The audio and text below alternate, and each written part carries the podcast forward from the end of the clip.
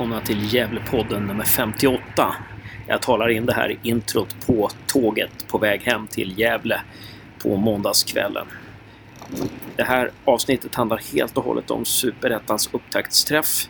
Jag började med att snacka med eh, Gävle IFs eh, tränare Johan Mjällby och ehm, vår eh, kantspringare Piotr Johansson, hur de hade upplevt Sirius-matchen och sen pratar vi lite inför första matchen i serien som snart kommer att gå av stapeln. Nämligen på måndag klockan 15 mot eh, Värnamo hemma. Eh, jag pratar också med eh, Värnamo om den matchen. Jag pratar med Värnamos tränare, nya tränare Roar Hansen och han berättar lite vad han anser om JBs, Jesper Björkmans eh, styrkor. Jag pratade med Freddy Winst, också spelare i Värnamo, som var med under deras 5-2-vinst förra året. Eh, och han eh, tyckte att det kändes då som att Gävlespelarna hade väldigt dåligt självförtroende. Han beskrev den matchen som en sjuk match. Allting de sköt eh, gick in. Jag pratade också med Halmstads Igor Krull som pratar om statusen på, om, på Johan Oremo. Jag snackade med Brages nye tränare Kle, Kleber Sarenpää och deras nya spelare Robin Selin eh, frågar dem om vad deras intryck av Gävle är. De slog ju Gävle med 4-0 i eh, på försäsongen. Sen pratade jag också med Jönköpings tränare eh, Jörgen Wålemark som tror väldigt mycket på Gävle IF i år. Eh, det tycker jag var spännande. Och sen Örgryte IS eh, nye tränare Thomas Askebrandt. Han har ju väldig rutin från Superettan. Vad är det viktigaste för att lyckas i Superettan? frågar jag honom bland annat. Eh, jag pratade också med Daniel Paulsson, Polle som han kallas, i, spelare i Örgryte och fråga lite om statusen på de tre före detta Gävlespelarna, Jakob Eriksson, eh, Diego Montiel och Anton Lantz. Han svarar på frågan vem av dem som hörs mest i omklädningsrummet. Eh, och sist men inte minst så pratar jag med Christian Jävler, ny tränare i Öster. Och han pratar lite om vad han, om vad han tycker om Christian Ljungberg. Ehm, och eh, jag pratade också med Östers spelare Liridon Silka som berättar lite om eh, Dragan Kapsevic. Eh, sedan pratade jag också med ett par domare som pratar om... De snackar om vad det kommer att vara för nyheter när det gäller domarnas syn på spelarnas utföranden. Och sen så snackar jag också med eh, några representanter för Svenska supporterunionen om eh, deras jobb. Bland annat eh, hur de har fått fram så att det är bättre att åka på bortamatcher nu för tiden eh, i och med att supporterna har det bättre ställt på bortaläktarna. Och på slutet så analyserar jag eh, svenska eller Superettans upptaktsträff tillsammans med Mittmedias Karin M Johansson eh, och eh, Christian eh, Bågfeldt. Ja, eh, det är ett fullmatat avsnitt det här. Det är nästan två timmar. Men som ni ser har jag också skrivit dit ja, har skrivit dit siffror när de olika avsnitten kommer så att ni behöver inte lyssna på hela på en gång om ni inte känner för det. Glöm inte bort nu, på fredag så har vi direktsändning av, tillsammans med Pinnebergarna från Strömdalen, Gävlepodden och Pinnebergarna från Strömdalen direktsänder eh, inför Superettan-premiären. Så att vi direktsänder på fredag, nu på långfredag mellan 17 och 22. Eh, och ni kommer snart få en länk där ni kan klicka på och gå ut och lyssna. Och eh, vill ni inte lyssna så kan ni komma och hälsa på oss. Vi är på Brewburger Bar mellan 17 och 22 i Gävle då, nu på fredag. Ja, vi ses där, eller så lyssnar ni. Och sen lyssnar ni på den här sändningen också. Det har ni redan börjat med. Så får ni inte glömma bort Gävles premiär nu på måndag, annandag påsk, 15.00 på Gavlevallen. Vi ses ju där också. Välkomna!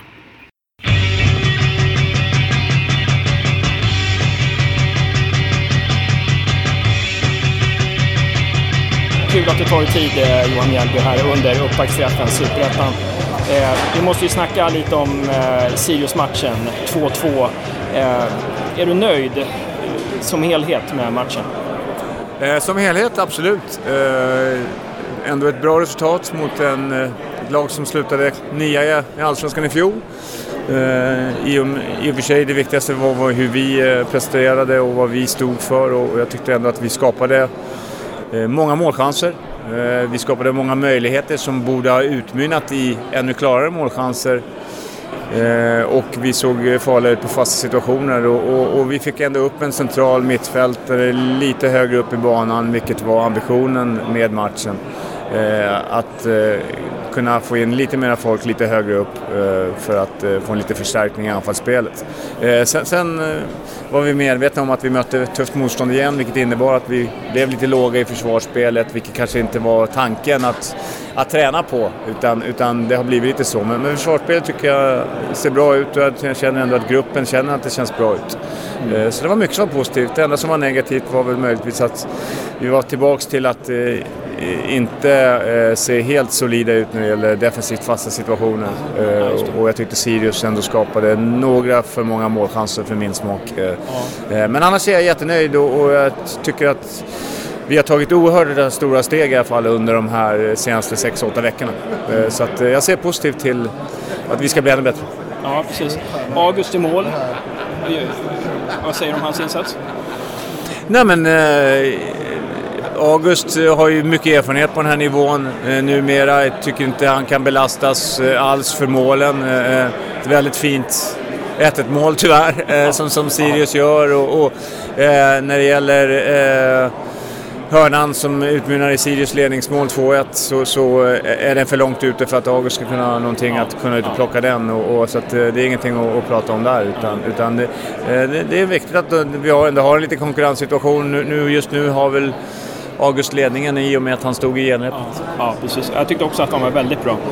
Mm. Eh, 2-2 målet. Eh, Björkman kastar sig in som en kamikaze-pilot där. Eh, var det en intränad variant? Eh, nej, inte direkt intränad. Vi har inte lagt in så mycket eh, just fokus på att träna in inför träningsmatcherna. Eh, däremot har vi fått klara direktiv vilka ytor som vi vill spelarna ska springa in i och, och att eh, naturligtvis var leveransen väldigt, väldigt bra. Men, men JB har ju den, han är en attitydspelare och, och det vill vi ha mer av i Gävle IF. Mm. Eh, och, och, det var ju jättehärligt att se han storma fram där och, och nå längst. Så det handlar om att eh, både defensivt och offensivt när det gäller fasta situationer så kan du träna i all evighet. Men mm. om inte leveransen är där och om inte spelare vill attackera boll Eh, så kommer det aldrig bli mål. Och, och JB är en spelare som verkligen vill attackera. Ja, just det. Just det. Jag sa kamikaze. Det, ja, det var ju kamikaze. Det, heter kamikaze, just det. Jag sa lite fel där. Så att, eh, lyssnarna behöver inte skicka mejl till mig, utan jag är medveten om det. Där. Ähm, ja, men det, jag, många fans, och jag också, tyckte det var lite hårt ibland. Jag tyckte det var lite fult ibland. Vad tycker du? Ja, men vi tänker inte lägga oss ner eh, för något lag. Utan, eh, ja, vi, jag eh, tänkte mest det, att, Sirius, att, att liksom, Sirius spelar lite Ja, okej, okay, okej. Okay. Ja, jag tänkte så mycket på Jag tyckte väl att kanske att domaren blåste lite väl mycket frisparkar. Ja, okay, eh, mot oss, för att riktigt ärlig. Okay. Eh, men, nej, men det, var, det är inte alls meningen att vi har en attityd eller ambition att vi ska spela fult. Däremot så ska vi naturligtvis se till att vi inte förlorar 50-50 dueller. Det är klart att eh, det är ju inte vi som är väldigt sann. Man måste ändå, ja, vi vill alla spela fin fotboll oftast och, och fotboll som är, är grann för ögat. Men vi måste få förtjäna för att spela den. Och det, fotboll är ju en, en kampsport och, och, det är viktigt att vi ändå eh, att våra unga spelare får lära sig ganska tidigt att det, gäller inte, det handlar inte bara om taktik och spela fotboll utan det handlar väldigt mycket om attityd och vilja och, och, och vinna dueller också. Då lyckas man med det så är hälften vunnet. Ja. Du spelade ju utan Fitim för han var sjuk va? Ja. Eh, och när Fitim kommer in igen då, eh, kommer det och Kralj spelade inte heller va? Nej, Anton kom in tyvärr på morgonen och var sjuk. Eh, ja. Vi hade ju eh, trott Piotr hade varit sjuk några dagar innan. Mm. Eh, så vi hade ju tyvärr, trodde vi att både Piotr och Anton då skulle vara borta och det innebär ja. att det skulle bli lite rumphugget ja. genrep, även om det ingår i, i, i jobbet. Men, men eh, Anton kom in och hade feber och lite halsont. Det ska inte vara någon fara alls, utan han är säkert med i träning imorgon. Men, men ja. det är klart att det går inte att ta någon risk då. Ja, just det, just det. Så Anton och Fitim var sjuka och Igor Igor och eh, Erik Törnros eh, skadade fortfarande rehabiliteras. Ja, just det. Eh, kommer någon av Igor och Törnros vara tillbaka till Värnamo? Eller? Eh, det är möjligt att Igor har kommit in i träning, Erik antagligen inte, men eh, med stor sannolikhet är ingen av dem aktuella för för premiären. Ja, lite oroväckande att vi har så få forwards så har vi en som är lite skadad på lite längre sikt. Ja, jo det är klart att det är ju inte idealiskt alls. Eh, samtidigt kan vi inte göra så mycket åt det. Vi kan inte stressa fram det utan Eh, Erik får ju känna själv när, när, han känner att det går att belasta den tillräckligt mycket och, och, och, samtidigt i och med det gäller det också för honom att ligga hårt i, i, i träningen så att han Eh, så han är tillräckligt fräsch. För vi, vi, har, vi, är ett lag och vi har ett lag där vi behöver eh, ha väldigt löpvilliga spelare. Ja, just det. Louis Kangas gör ju en jättebra grej. Eh, skjuter ju ett bra skott där som målvakten tippar till hörna som vi mm. ser mål på. Mm. Vad säger du om Louis insats? Nej, men det är jättekul att han visar upp sig och han, han, han tar chansen, han får chansen. Vi vet om ändå att han är en otroligt stabil och solid spelare, Louis. Bra vänsterfot, han kan positionen bra. Eh, kanske inte har lika eh, samma passningsfot eh, när det gäller eh, just spelintelligens att hitta in som Anton just nu. Eh, och, men däremot så, så visar han att om någonting skulle hända med Anton nu till premiären att Louis definitivt inte eh, har någonting emot att, att starta och komma in i matchen och, och konkurrera. Så eh, hans, eh, hans attityd och ambition ska vara nu att, att, verkligen slåss om platsen och verkligen tro på det själv också och visa det i varje pass och, och, och vara redo när chansen kommer. Ja, just det. Och Fitim, vi hade inte Fitim, vi spelade, kanske spelade med Hjälte istället. Eh, vad, vad, får vi för mer i verktygslådan när vi får in Fitim?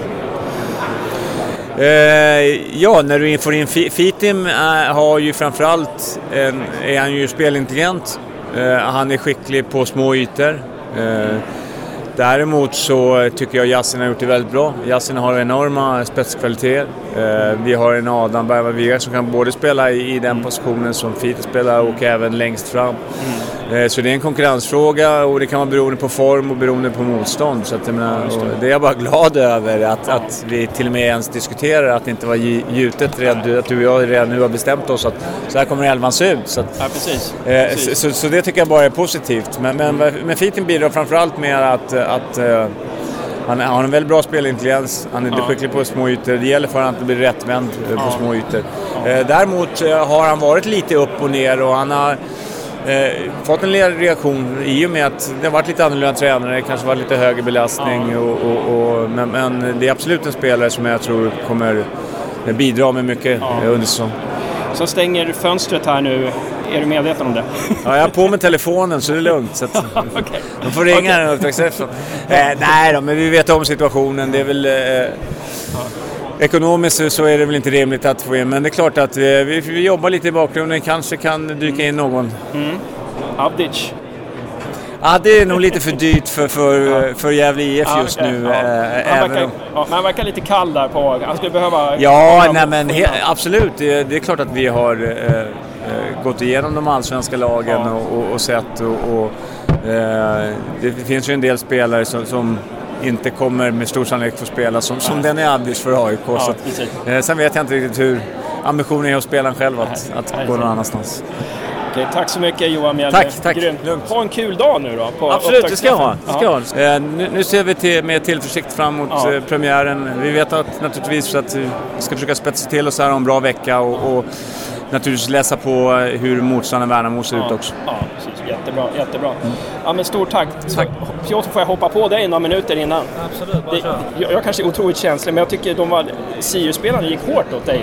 Du blev fälld några gånger där, eller? Ja, alltså det blev väl så när, man, när de inte hinner med. Men, eh, ja. men jag håller med, det var, jag fick väldigt många smällar.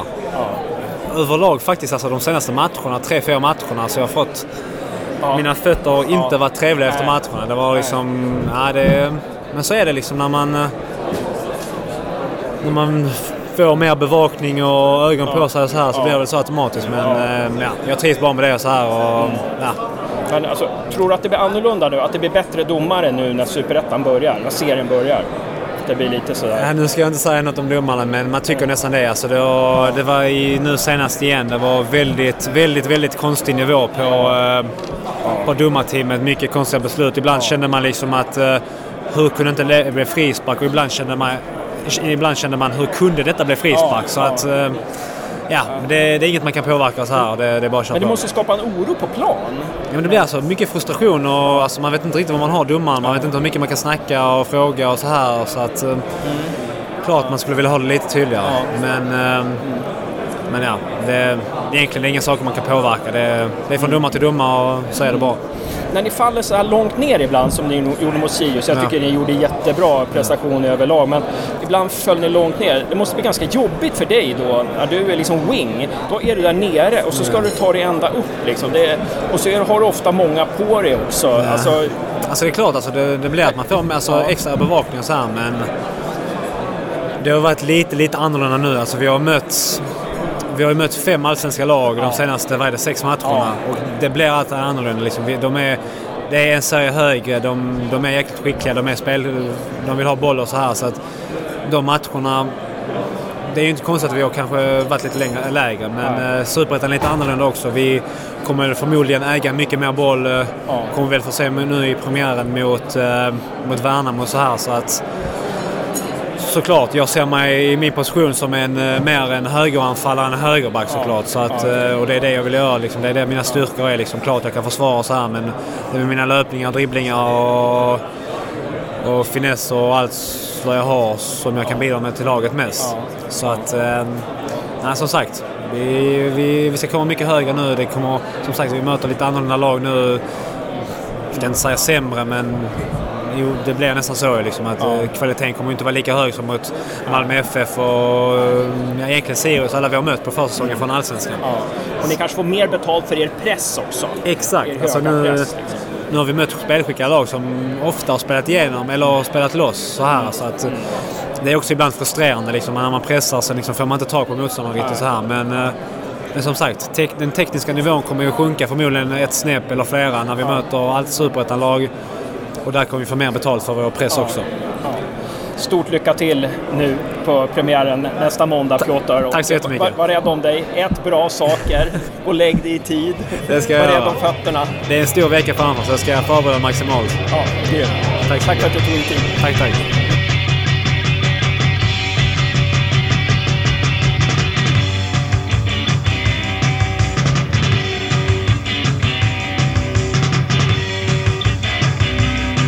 Freddy Winst, jättekul att du vill ställa, ställa upp i Gävlepodden.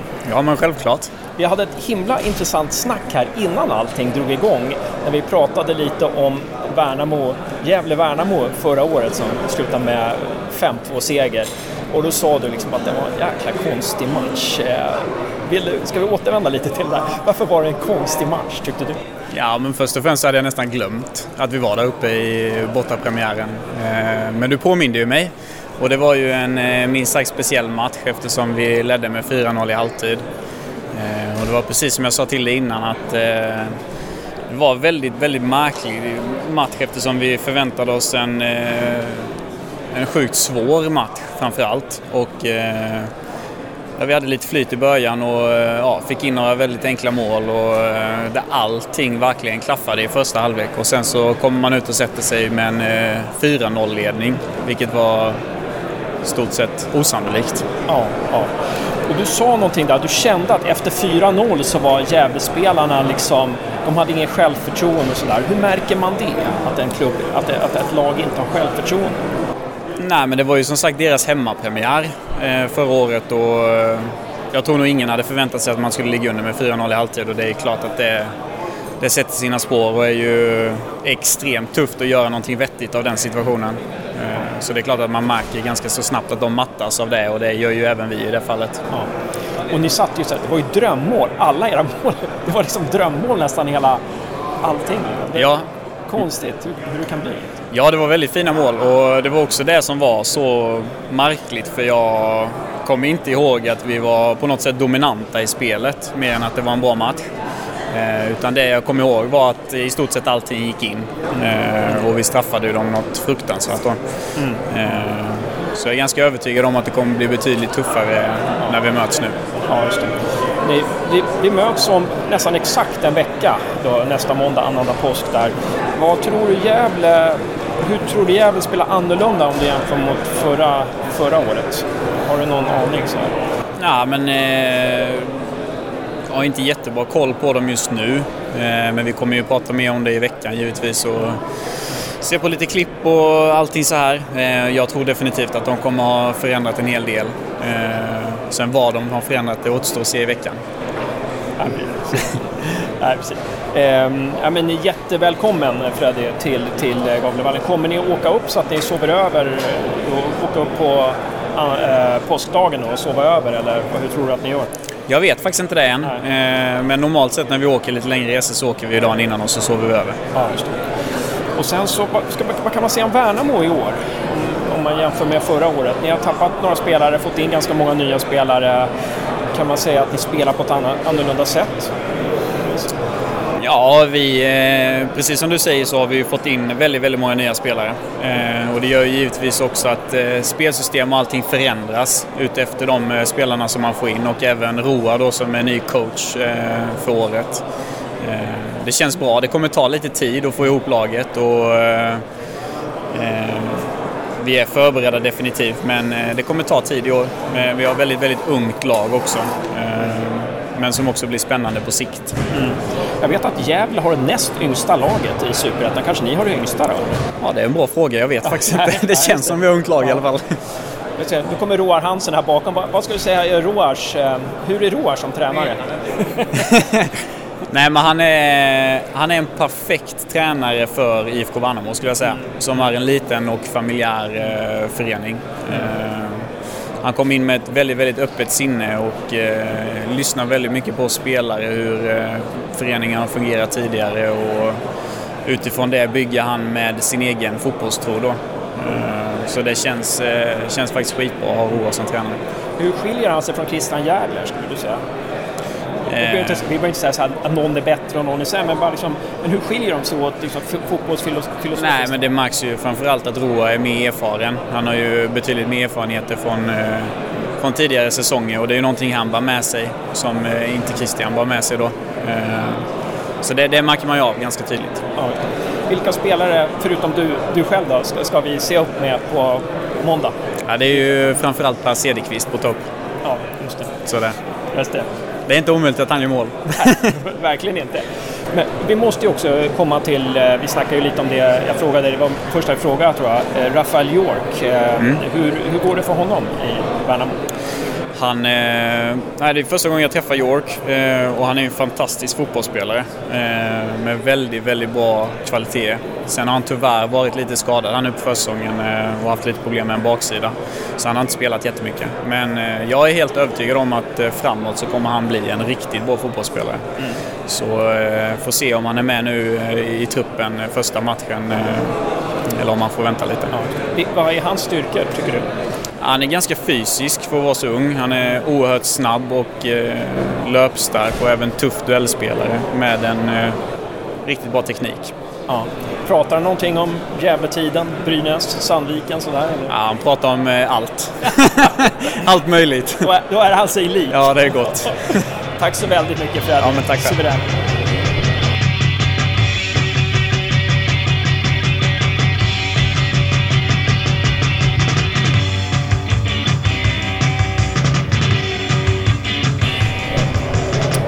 Jättevälkommen till Gävlepodden nummer 58, Roar Hansen.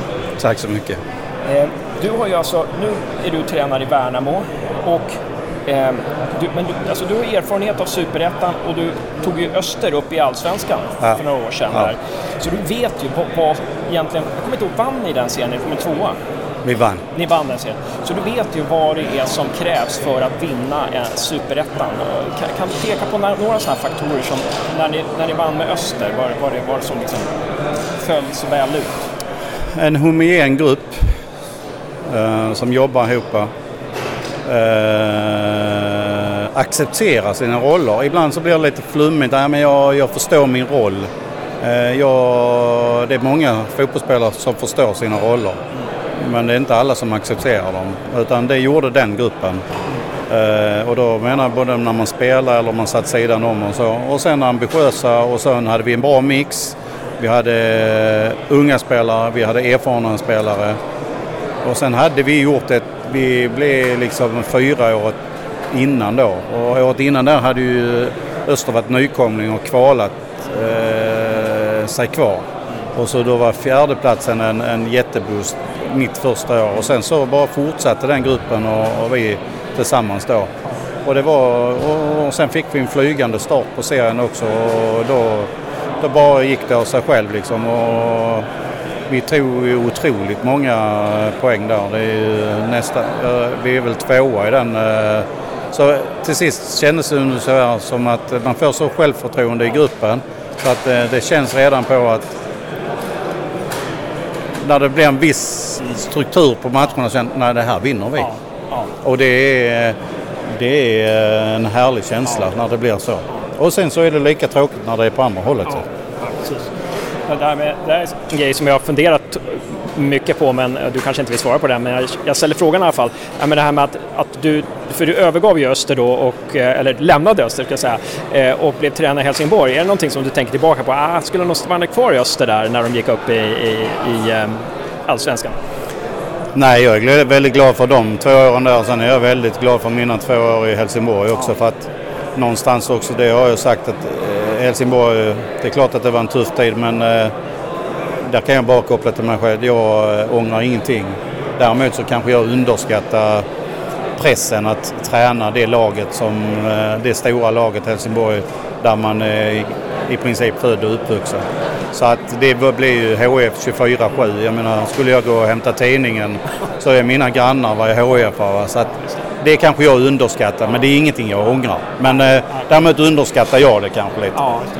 Men eh, har du någon koppling då till, eh, det här borde jag ha googlat lite innan kanske, men har, alltså, både Christian, Ljung, Christian Ljungberg och Jesper Björkman är ju från Helsingborg som spelar i Gävle IF. Har du någon koppling till dem?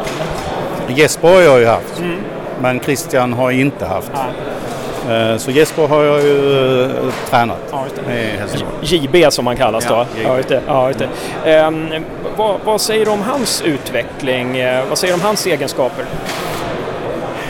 Ja, men Jesper är ju... Uh, Jesper är ju en klok spelare och sen är han ju en lagspelare framförallt. Och, och, och, han är ju också en kille som måste känna förtroende för han, när han kommer kanske lite dåliga och inte har förtroende så grubblar han lite för att han, eh, för han har sån ambition och vill bli bättre hela tiden. Så att då kanske han går in för mycket i sig själv och så blir det fel på det viset. Men när, när han känner att han har förtroende och han får spela och så, så har han egentligen lite ledaregenskaper och är en genuin svensk eh, lagspelare tycker jag.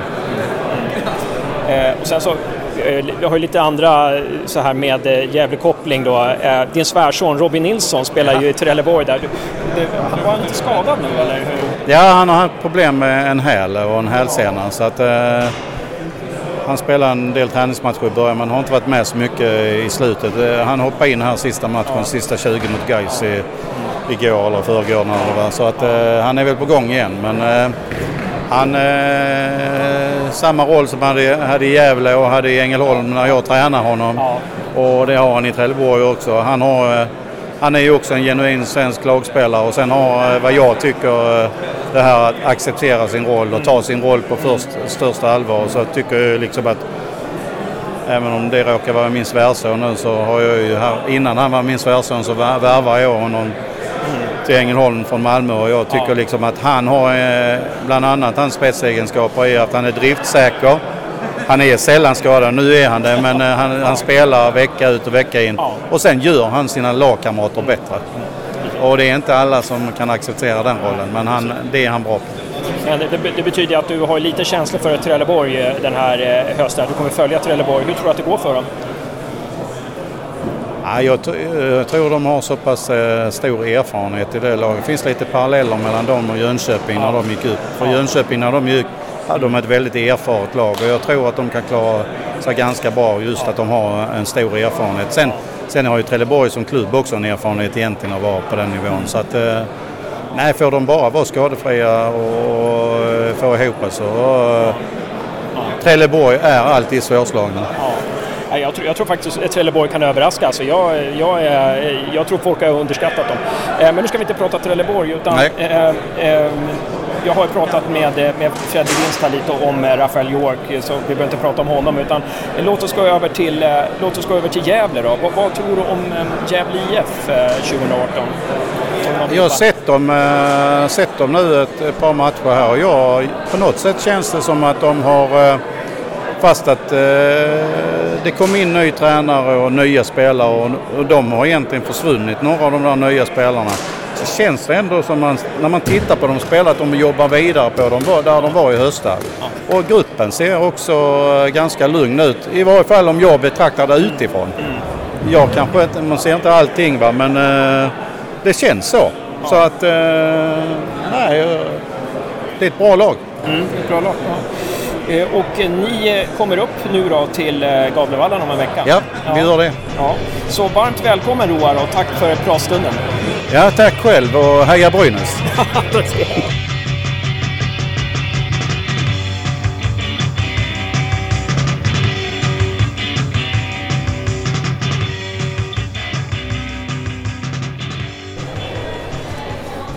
Välkommen till Gävlepodden nummer 58, Christian Gärdler. Ja, tack så mycket. Väldigt roligt att, att ha med dig här. Vi har ju pratat med eh, Christian Ljungberg några gånger mm. i, i, podden och ja. han har många goda ord att säga om dig. Aha, eh, jämförde dig med lite med Poja som var förra året och, och sådär. Mm. Och, och ehm, ehm, vad har du att säga om Christian Ljungberg? Ehm Ja, mycket egentligen. Det, ja, men det, för det första är det en jäkla bra kille eh, och en duktig fotbollsspelare. Det, jag fick ju in honom ganska tidigt, eh, till, faktiskt när jag, när jag hade U19. Christian kom till mig i U19. Eh, fick inte behålla honom så länge för att han åkte rätt snabbt upp i A-laget eh, för att han var för bra för det helt enkelt. Eh, sen fick jag, om det så fick jag tillbaka honom när jag tog över A-laget och hade honom där ju i, i eh, halva, halva 15 och hela 16 så ett och ett halvt år till. Eh, så jag känner honom väl. Ehm, en eh, bra fotbollsspelare ehm, som är, tycker jag, eh, modig, hårt arbetande, tuff och rejäl att möta. Ehm, med, med liksom en, ett härligt driv med bollen och kraftfull med bollen när han tar sig fram. Hur ska man använda honom tycker du på rätt sätt så att man får ut det mesta av honom? Ja, men Krille är bäst när han inte behöva tänka för mycket. Ja han ska få gå lite på instinkt och få, få använda sin, som jag sa, han är, han är kraftfull. När han ser ett läge att bryta fram så ska han få göra det, för det, det är han bra på. Eh, det, det är så jag tycker, men, han, men, men jag tror vi ska, ska, tycker han ska starta i en, i, i en central position. Mm. Mm. Om han hade varit bossman inför den här säsongen, hade du värvat honom till Öster? Eh, nej, inte inför den här säsongen, utan jag... Um, jag är, eh, är, nöjd med mina spelare på de positionerna. Men däremot så är det en spelare som, som om han fortsätter, det är en ung spelare ju, men om han fortsätter sin utveckling så är det någon som jag absolut skulle kunna träna igen. Mm. Jag tycker han, han har förutsättningar för, för, för att bli bra. Mm. Bra. Piotr Johansson, visst hade du honom? Har jag också haft, absolut. Ja, mm. I Ängelholm va? Ja, stämmer. Eh, vad säger du om Piotr? Han sitter där borta, så, långt borta. Ja, nej, nej ja, det, det, det är lugnt. Ändå, ja, vi har nog gått och säga om varandra, både han och jag också. Eh, Piotr var ju otroligt viktig för oss eh, 2015. Jag, jag tog över på sommaren och vi låg ju sist och hade 10 poäng efter hela våren. Eh, och Piotr hade varit lite ut och in ur laget på, på våren för mig. Eh, och jag gav honom en, en, en viktig roll eh, där han fick utgå från, eh, från höger men, men väldigt tydligt använda sin djupledshastighet och sitt, sin hårda arbetsförmåga. Och också han är kraftfull när han väl kommer, för han är ganska stor, större än man tror. Ehm, så jag tror att han gjorde fem eller sex eller sju mål den, den hösten eh, och, och var i vissa matcher direkt avgörande för oss. Och också han en, en, eh, en, härlig, en kille som jag har behållit kontakten med efter att jag tränat honom. Och vi satt en stund och pratade där nere nu. Eh, som jag, som jag också hoppas tyckte att, att, min, att vi funkar bra ihop. Ja. precis. precis. Ehm, har du sett Gävle, hur han används nu i Gävle som wingback och sådär?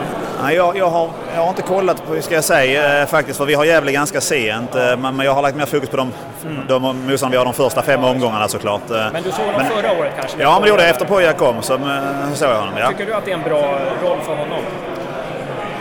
Ja, både och. Eh, på det sättet att han, han har kapacitet för att klara det och han har, han har arbetskapacitet för, för att kunna ta hela kanten. Däremot så tycker jag att hans offensiv blir lite lidande och att han hamnar för lågt. Eh, han är ju för mig i grunden en, alltså en offensiv yttermittfält på gränsen till forward. Kanske om man spelar 4-3 en ytterforward. Eh, vilket sagt, så jag har full förståelse att man använder honom så och han klarar av det. Han kommer göra det bra. Men jag tror att det beror lite vad man vill ha av honom. Vill man ha mer poäng så är det lätt att han hamnar lite för lågt. Mm. Men det är absolut inte min sak att avgöra. Det är bara Precis, min men det är åsikt. Men det är intressant. Ja. Det är intressant att där kan man ju se en spelare som har, han har ju så otrolig arbetskapacitet. Ja. Han, han, eh, han för, det är ungefär som någon som blir mittback bara för att han är för lång.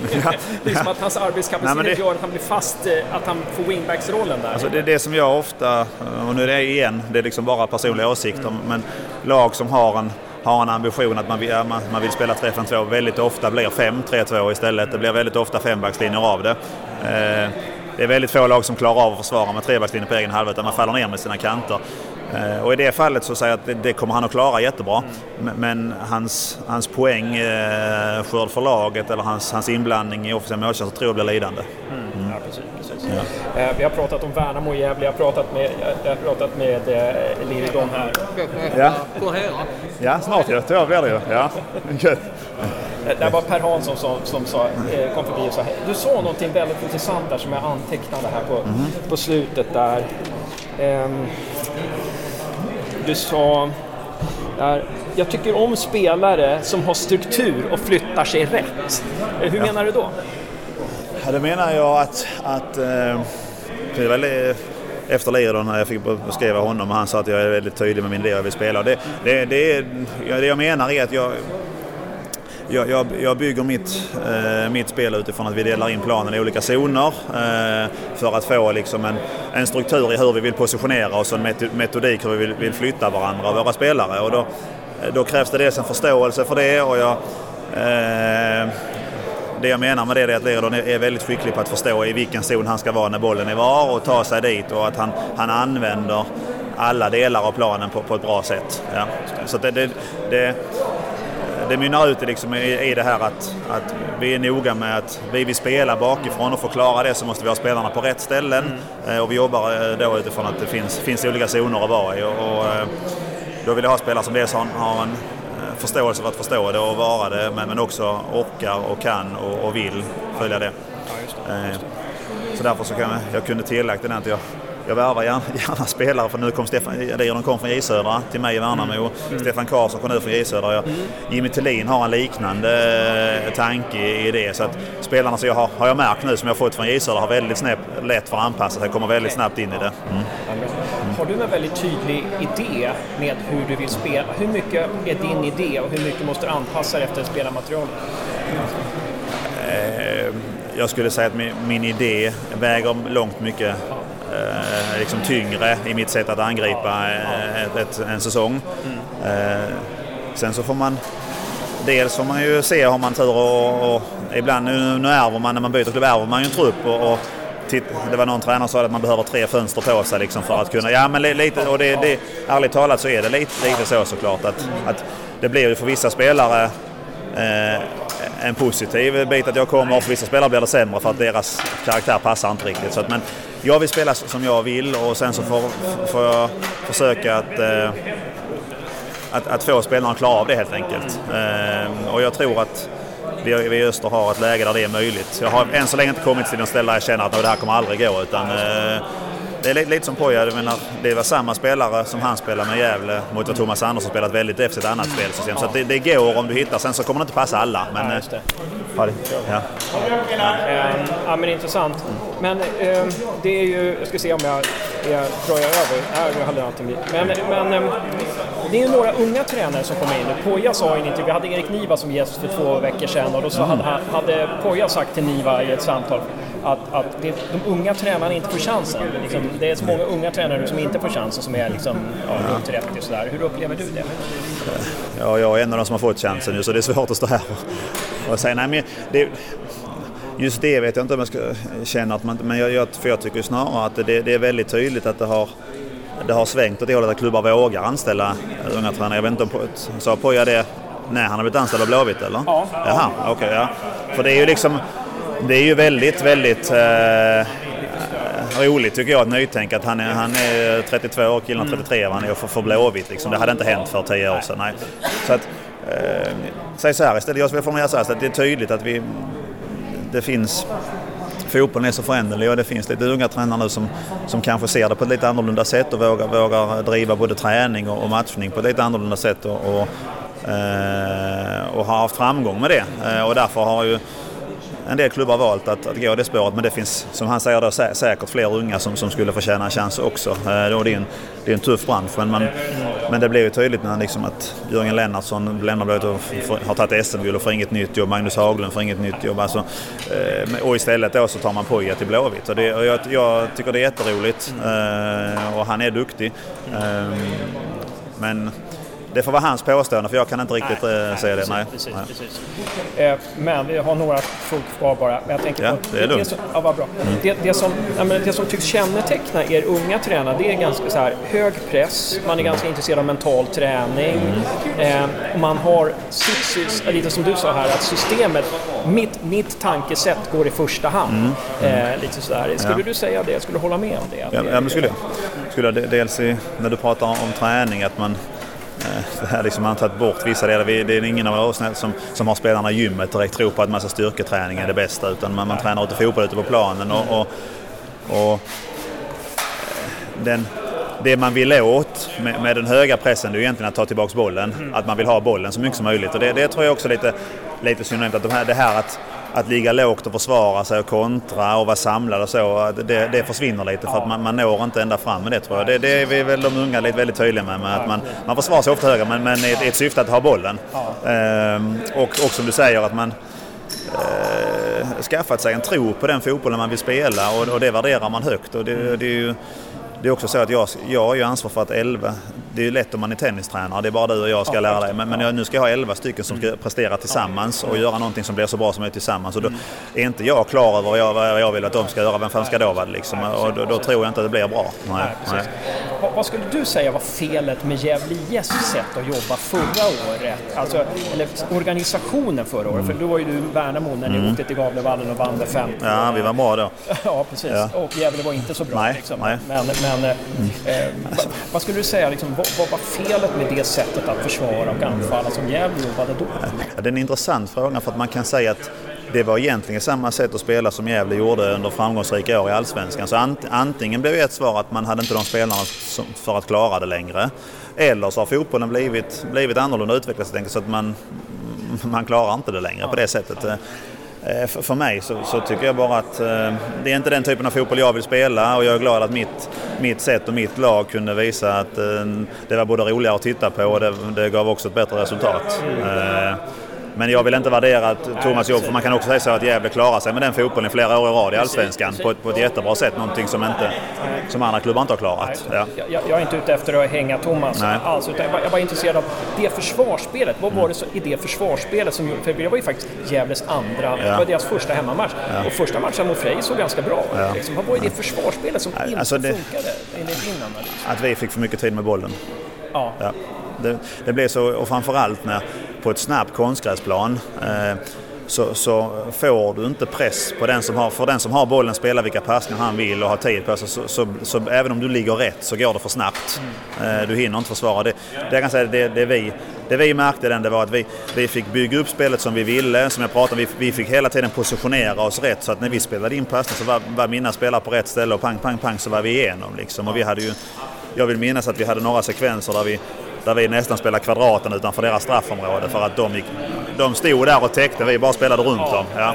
Ehm, så att det skulle jag säga att det, det vi drog stora fördelar av att, att vi, vi slapp bli pressade. Ja, Ja. precis. Ganska bekvämt för er. Ganska bekvämt. Ja, ja, men det var det. Och sen var vi då istället väldigt aggressiva så att vi vann tillbaka mycket boll på Gävles planhalva och kunde börja spela igen. Ja. Eh, Jag vill minnas att det, ja, det kändes, vi var, liksom, man pratar om ibland att man dominerar, men att vi var ganska överlägsna i den. eh, Inte bara resultatmässigt, utan vi, vi hade det mesta av bollen och vi hade fler målchanser än de målen vi gjorde. Och Gävle hade nästan ingenting förrän de, de gjorde väl 5-1 och 5-2 tror jag de sista fem minuterna. eller precis. någonting. Ja. Det var ju det, det provocerande för oss fans när tränaren säger om vi vann i alla fall andra halvlek. Ja, det, det, Det, ja. Men, men, men en sista fråga då. Gävle idag, eh, nu har vi tappat Poja, vi har Mjällby, vi spelar ungefär likadant. Eh, tappat några spelare, fått in några spelare. Du har inte, du har inte scoutat Gävle än, men din känsla sådär? Min, min känsla är väl att Gävle eh, inte blir ett topplag. Eh, jag har bet, betydligt bättre koll på andra lagen jag har på Gävle idag men, men jag följer ju såklart vad som händer i trupperna och så, så vidare. Sen vet jag att Johan har gjort ett bra jobb med Västerås och, och har ett stort fotbollskunnande så att, eh, full respekt för hans, hans eh, eh, tränarkapacitet. Liksom. Men jag har ju sett att det är ju ganska, ganska tunga tapp att spela för spelare som, som var viktiga. Eh, med Montiel och med, med Ajeti som gjorde mycket poäng som, har- som har lämnat och som man kanske inte har ersatt med, med den typen som man tittar utifrån tror har samma kapacitet. Eh, så att, men, men, men det är det enda jag kan bedöma och på det, på det skulle jag då säga att jag, jag tror att eh, det blir en säsong där, eh, där det finns 5, 6, 7, 8 lag som kommer att vara bättre än Gävle. Eh, tror jag. Eh, sen kan, eh, vet man aldrig vad som händer och, och eh, de kan överraska absolut. Men jag varken tror eller hoppas att de, att de lämnar serien för jag tycker, jag tycker det är så att det är en både som spelare, jag har mött Gävle många gånger, men både med Malmö, med Helsingborg och med Halmstad har alltid tyckt att det är jäkligt trevligt att komma till Gävle och sen tycker jag att det behövs. Jag är jätteglad för Östersunds framgång för jag tycker det är roligt att det, att det inte är Stockholm och söderut. Eh, och Gavlevallen är ju otroligt fin så att, eh, jag hoppas verkligen att, de, att det blir bra. Ja, Ja, men grymt. Ja. Ja, det var så lite.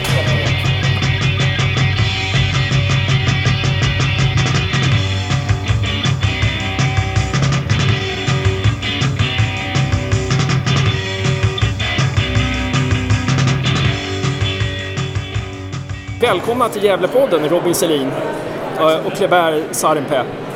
Eh, Du, du, jag tyckte du var så jäkla bra när du spelade. Ja, spelare. Tänkte, jag, fan, det här är... Jag tror du gjorde några landskamper också va? 11 stycken blev det. Elva stycken. Ja. Och sen bara, vart tog han vägen liksom, tänkte man. Och så, nu får vi se dig som tränare. Var det någonting du tänkte även när du var spelare, att du liksom en dag ska bli tränare? Eh, inte i början på min spelarkarriär, absolut inte. Nej. Men eh, på ålderns höst så, eh, så börjar det kännas mer och mer, det det är det här jag ska hålla på med och, och ta det steget efter, efter karriären som spelare. Och vad skulle du säga, vilken, vilken jag får nog hålla så här för det är så Ja. mycket bakgrundsljud. Vil- vilken, vilken tränare, kan man säga någon tränare som du är inspirerad av? Oj, inte specifikt. Det, det några procent från allihopa. Eller från väldigt många skulle jag vilja säga. Eh, Så tar man det bästa från respektive tränare. Eh, Så det är, det är en blandad kompott för att göra det till sin egen Ja, filosofi. Och sen så sa du, du, du orkar inte leta bli i anteckningar, Ja. men du sa där uppe på scen så sa du någonting om att eh, började sätta grejerna ganska snabbt eller någonting. Eh, jag vet inte om du känner igen det, men, Ja. men vad är det man pratar om då när man pratar om att sätta spelet eller sätta grejerna? Där? Det, är- det är de principer vi, vi jobbar ut efter och det arbetssätt så som vi vill spela eh, rent taktiskt. Att vi har hittat rätt och att spelarna framförallt har hittat rätt i sin respektive roll så att man inte behöver göra om det för att få ut max av spelarna. Så det, det tycker jag de har accepterat bra och sen har vi hittat rätt roll för respektive spelare också. Så vi får ut max av eh, varje spelare ute på plan och sen att det har funkat ihop där ute i en helhet. Så där eh, tycker jag vi har kommit långt. Ja, ja precis. precis, precis. Eh, vad säger du eh, Robin? Vad säger du om, om, eh, om du jämför Kleber? Vi behöver inte prata så här, han är bra på det, han är dålig på det. Men vad, om du jämför honom med andra tränare som du har haft, vad, vad, hur säger du att, vad är hans specialitet? Så där? Eh, Nja, men jag tycker han, eh, han är bra med att vara tydlig. Han vet hur han vill formera, formera oss där ute, både offensivt och defensivt och han förmedlar det på ett bra sätt som eh, gör att det inte uppstår några frågetecken egentligen utan vi, eh, vi har bra koll på vad vi vill göra och vi vet vad han vill få ut av oss. Eh, så att det, det tycker jag är en av hans styrkor, att han, eh, han är bra på att liksom förmedla det spelet han vill att vi ska göra. Liksom. Vi spelar du i Sundsvall också? Ja. Var det du som blev utvisad mot Gävle 2016? Eller blandade ihop dig med någon annan då? Gävle vann i Sundsvall med 2-1. Nej, det var nog inte jag. inte var Jag kommer inte ihåg vem det var som var... Nej, det hade du säkert kommit ihåg. Ja, precis. Ja. det där är bygons. Ja, precis. Eh, nej, men så, så mötte ni ju Gävle nu i en träningsmatch eh, och vann med 4-0.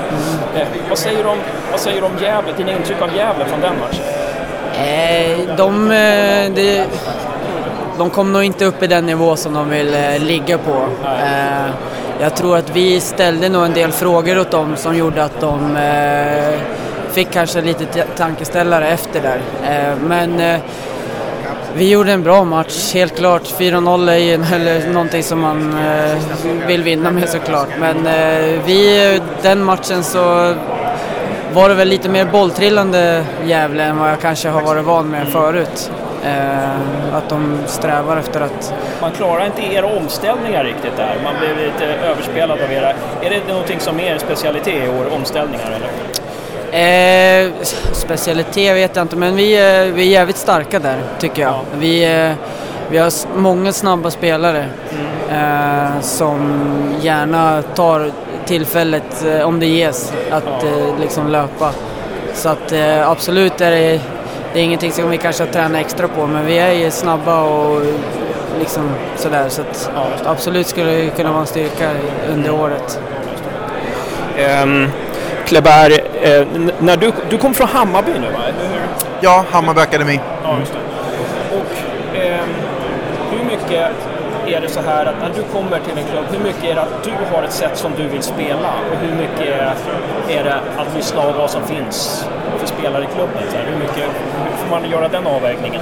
Man börjar med att se vart klubben är och vad man har för identitet och styrkor i det och vad man nu kan ta med sig beroende på hur mycket av den stommen som kommer vara kvar. Eh, och därifrån implementera det man själv vill göra.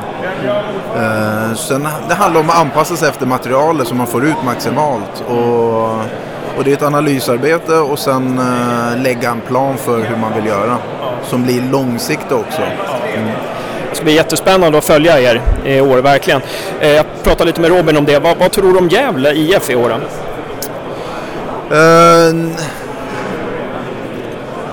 Tror jag? Jag tror de kommer att växa under, under resans gång. Definitivt i och med att de har haft en sån stor omsättning och, och spelare som eh, kommer att växa ju längre serien går. Det, det tror jag. Ehm, och har väl ett litet bagage med sig i och med att man gjorde så pass bra höst förra året. Ehm, men det, det är ett helt annat lag den hösten jämfört med vad man har nu. Och sen så, någonting som är gemensamt för oss är ju att eh, Dalkurd lämnar er och kommer till Uppsala men mellanlandar i Gävle.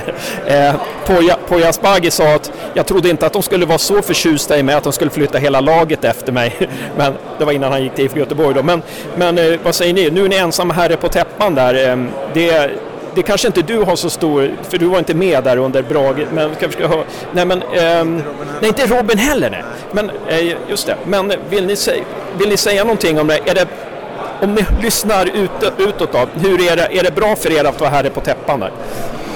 Ja, det, det går inte att säga något annat. Det, det, det är bra så att vi kan eh, växa ytterligare och, och dominera i Borlänge som, eh, som elitförening. Men, så det är en fördel, men med det sagt så har det varit jättenyttigt att ha Dalkurd när de var i Borlänge för att få konkurrens är bra på alla plan. Så Brage har verkligen fått eh, se över sin egen verksamhet, och vad man har gjort bra och vad man har gjort mindre bra för att kunna utvecklas själv också. Så det, det har varit en bra resa. Ja men stort tack eh, Kleber för att du ställde upp i Gävlepodden. Tack själv. Och tack Robin. Tack så mycket.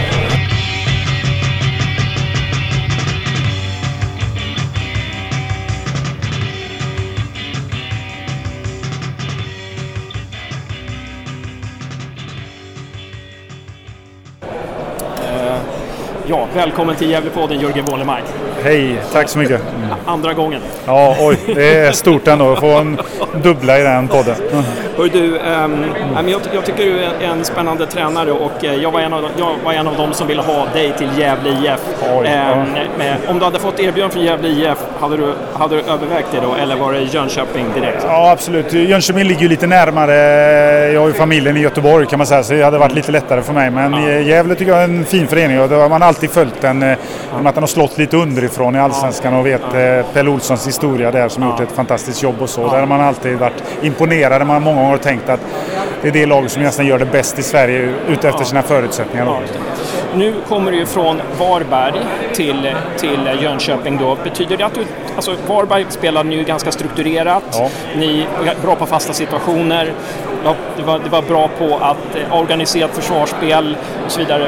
Blir det, tar du med dig det nu till Jönköping eller blir det ett annat spel i Jönköping? Nej, det blir ett annat spel kan man nog säga i Jönköping. Eh, en del historik där från de senaste åren. Att du kan inte ändra på allting som har varit ganska mycket som har varit bra i Jönköping de här åren. Eh, med en del platsbyten inom laget där det är mera, eh, mera fart och fläkt framåt. Kanske med fler spelare som verkligen ja, kanske ett ännu större tro på sitt eget passningsspel. Såklart, eh, det försöker man jobba vidare på. Men sen också får man vara ödmjuk kring att laget ändå åkte ur och allsvenskan. Så allt kan ju inte ha varit bra. Så att, eh, jag tror att bland annat försvarsspelet går att göra lite bättre. Så att jag hoppas att vi eh, ja, helt enkelt kan få ihop det på bästa sätt. Ja, det. det finns ju en fara där att åka ur allsvenskan. En del är ju bra på det som man har varit inne på. Halmstad har ju gått upp och Sundsvall var ju ganska bra när man åkt ner och gått upp igen. Men Gävle var ju på väg in i skiten förra året och Mjällby åkte ju rakt ner Trelleborg åkte rakt BP åkte rakt ner. Vad, ska, vad, vad gör du för att motverka det här? Liksom? Eh, nummer ett är väl ödmjukheten då till den här uppgiften. Att, eh, så man inte tänker bara snackar om hur bra vi ska gå upp igen direkt. Vi vill ju det men det är, eh, det är ju en stentuff serie och vårt lag måste eh, ha en hel del äldre rutinerade spelare som jag tror kan hjälpa till på vägen som har varit både i Superettan och Allsvenskan. Det gäller ju att få dem att verkligen ja, vad man, hjälpa laget, bidra mycket och även få till, suget tillbaka att vi verkligen vill vinna matcherna. Och tillsammans med den här lite ungdomliga mixen som vi har, vi har ändå värvat in 11 spelare så det är ganska mycket att få ihop och kan vi hjälpas åt där och få ihop det på ett bra sätt då, då ska vi kunna ja, göra en bra säsong. Men om det räcker till att vi blir tvåa, trea eller sjua, åtta eller nia, tio i serien, det är omöjligt att säga nu innan. Då. Ja, just det. Eh, nej, precis. Det är ju ett getingbo. Snuskigt Ja. jämn serie helt enkelt. Så är det ju. Och man ser ju Gävle också som alltså, såg ut som är helt klara för att åka ur på vårsäsongen. Och sen var jag, gjorde en stark höstsäsong också. Ja. Så att det, det är ett lag som, eh, om de fortsätter på den vägen, kan bli farliga också. Ja, men det- var bra. Du, du var smart och kom in på det. så slapp jag göra det.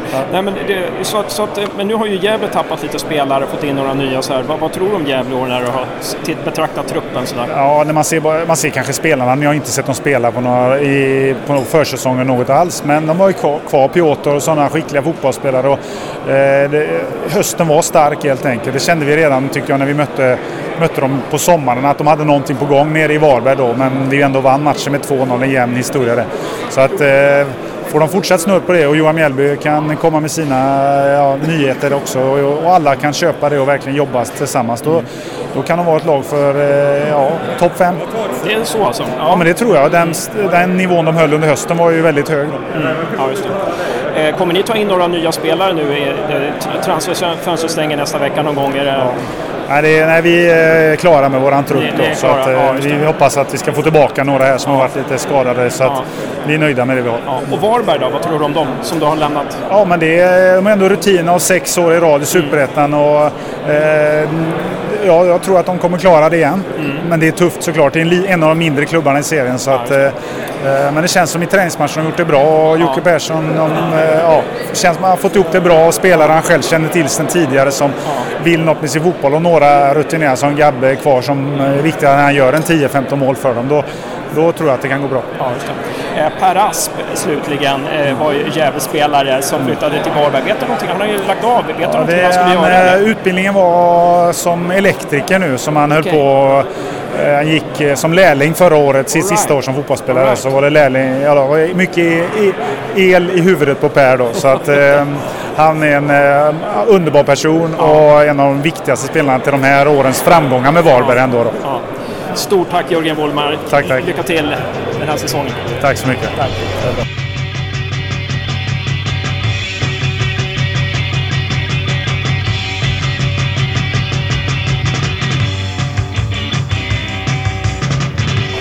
Välkommen till Gävlepodden, Igor Krull. Tack. Eh, en du du eh, jobbar med Halmstad nu och eh, en, en ung tränare på väg upp. En, Poya Asbaghi, vi pratade med Erik Niva i podden för två veckor sedan. Han, Poya Asbaghi hade sagt till honom att unga tränare får inte chansen i Sverige. Det är, liksom, det är bara de gamla som går runt. runt. Är det någonting, nu, nu har ju du i och för sig fått chansen, så du kanske men har du någon, håller du med Poya där? Eh, ja, alltså jag håller väl med Poja att jag har sett så ut. Men nu samtidigt så har både Poja fått chansen, jag har fått chansen. Och det är klart det börjar hända eh, Eh, någon form av generationsskifte och det är väl inte så konstigt heller. Eh, så får vi se nu hur länge jag och jag, hur länge vi håller oss kvar innan någon annan puttar ut oss heller. Eh, men jag, jag kan hålla med till en viss del men det sker ju förändringar också. Och sen så, eh, nu kommer ni ner i Allsvenskan och det finns ju alltid en fara så här. Eh, man, man pratar ju om Mjällby och Trelleborg och BP som bara rasade ner. Nu har ju ni i och för sig varit ganska bra på att åka ner och så ta er upp igen. Eh, hur, hur ser du på den här psykologin så att det inte ska hända? Att, eh, någonting som du jobbar med för att det, liksom, ni ska ta det här på Ja, alltså det gäller, det gäller att vara ödmjuk. Eh, vi respekterar alla motståndare i Superettan. Det kommer att vara väldigt tufft serie. Men det gäller så, framförallt så gäller det att vara ödmjuk till det hårda arbetet som krävs. Eh, och det är absolut inga dåliga lag eh, som står här i, inför varje helg som vi kommer ställas inför. Så det är framförallt ödmjukhet ödmjukhet. Ja. Vad tror, sista frågan, vad tror du om Gävle IF? Jag tror de kommer vara starka och jag tror Johan Mjällby kommer få ordning på det mesta där borta. Och, eh, får vi se vad det slutar i efter 30 omgångar men jag tror de kommer se starka ut. Jag måste kom på en till sista fråga. Johan Oremo måste vi prata om också. Ja. Hur är det med honom? Hur är det, med Johan det är bra, han gjorde sin eh, första 90 minuter nu senast mot Elfsborg. Så han är inte eh, fullt 100% men han har tagit 1% varje dag han har fått ställas på fotbollsplanen. Så det, det ser positivt ut. Ja. Kommer ni spela med två anfallare eller? Eh, det är grunden. Mm, det är grunden. Ja, Ja, så att det, blir Johan en startspelare eller hur? så länge han presterar så blir han startspelare, absolut. Ja, just det. Stort tack Igor för Tack att du ställde mycket. upp i Gävlepodden. Lycka till med allting. Tack, tack.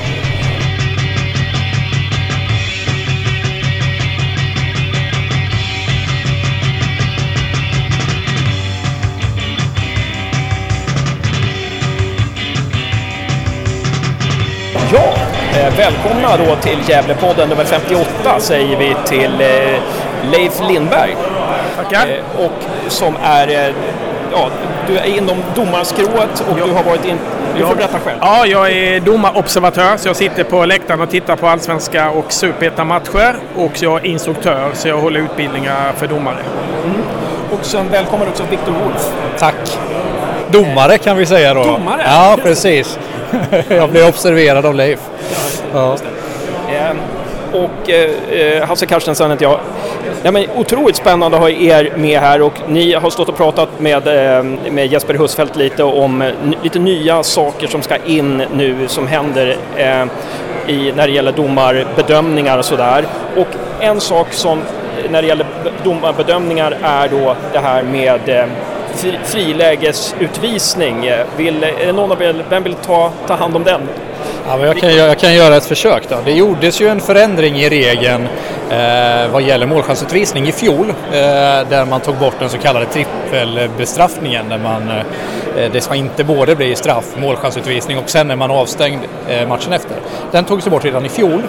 Eh, inför i år så har man även gjort som så att man vill ta den hela vägen ner till även varningsberättigad förseelse inom straffområdet. Så att om en spelare försöker att spela på bollen eh, men misslyckas och det i vanliga fall då är en varningsberättigad förseelse för lovande anfall till exempel så, så blir det enbart straff eh, och inte varning längre.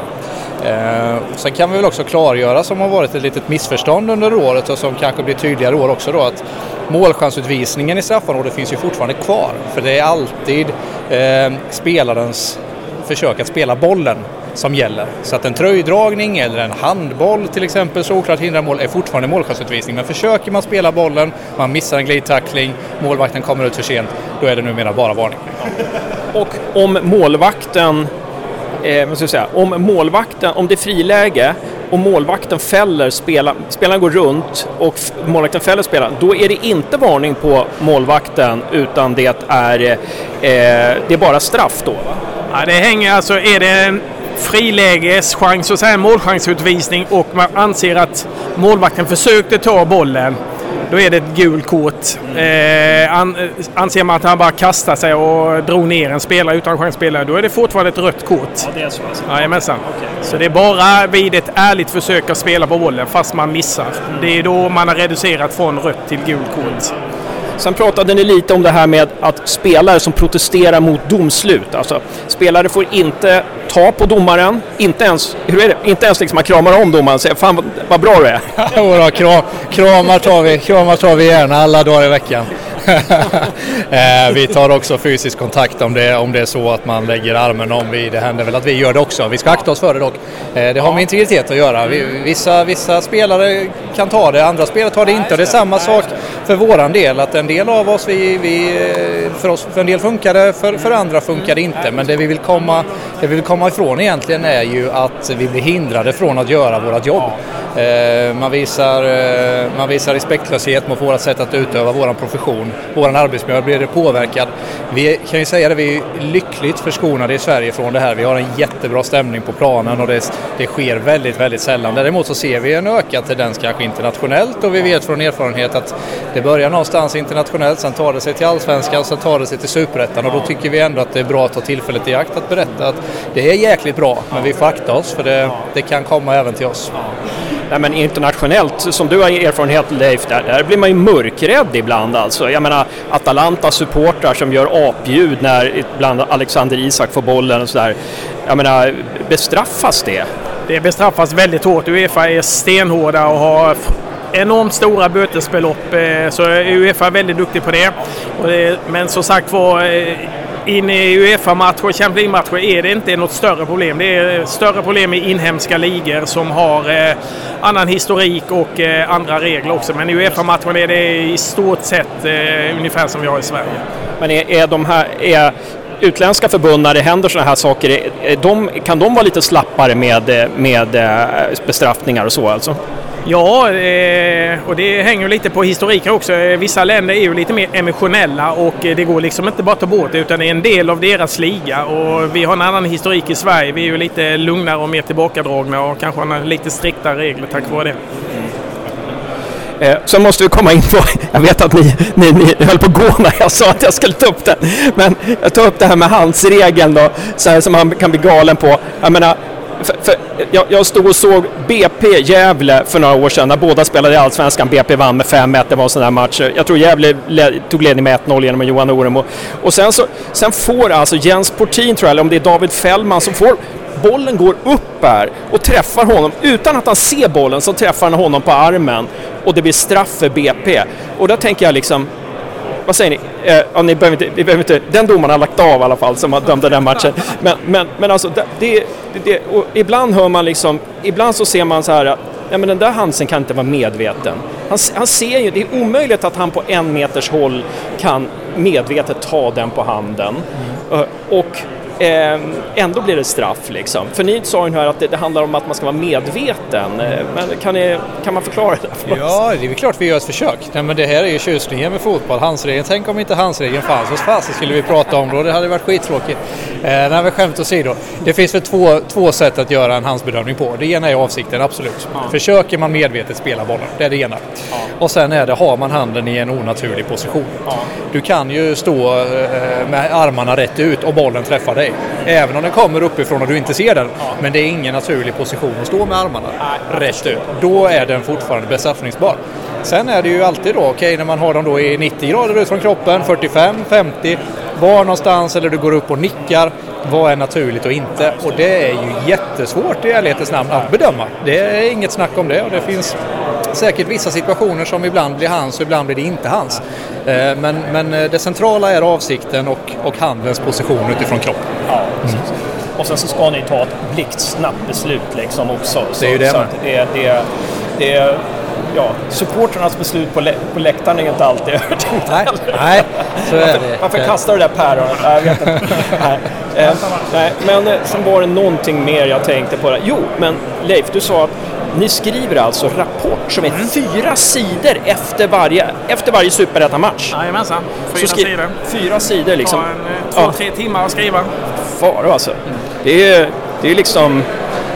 Det är ju helt otroligt Ja, egentligen. ja det är det faktiskt. Ja, det, det tar lång tid och speciellt om det är domare som man ser ganska ofta. Då är det svårt att fylla ut. Det är det för första gången brukar inte vara något problem. Men det är väldigt mycket jobb. Väldigt mycket jobb. Ibland blir det så här copy-paste. Jag tar från förra matchen och klistrar in. Precis, det är det man inte ska göra utan eh, vad ska vara unikt. Men så är det faktiskt. Men det tar lång tid, det gör det. det, gör det faktiskt. Hade inte Viktor stått här så hade du varit lite mer ärlig där. Nej, han är för smart. Han, han upptäcker det så att eh, det ska jag inte försöka med i alla fall. Nej, men det är helt otroligt. Eh, Men Viktor, du är på vi- vilken... Du var upp i Allsvenskan också? Jag hade en match i Allsvenskan i fjol. Men det är Superettan som är min eh, primära liga. Vil- Vilken match har du i första omgången? Ja, det blir ju officiellt om två dagar. Så att vi får väl hålla oss tills dess då. Okej, men, men läser du in dig på lagen innan då? Scoutar dem lite innan, innan du ska liksom... Ja, absolut. Det sker. Det är lite baserat på vad det är för typ av eh, match, vad det är för typ av lag. Men, eh, men definitivt. Första gången mera. Har jag de tredje gången så nej, då blir det inte lika mycket. Nej. Ja, men, men intressant. Vi ska följa dig Viktor på, på, på um, domar... På, på planen, på fotbollsplanen. På ja, men det kanske är så att när du inte syns, det kanske är då du är bäst. Exakt, exakt. Så det här är lite ovant. Ja, men tack så mycket Viktor. Tack själv. Och tack Leif. Tack så mycket. Tackar.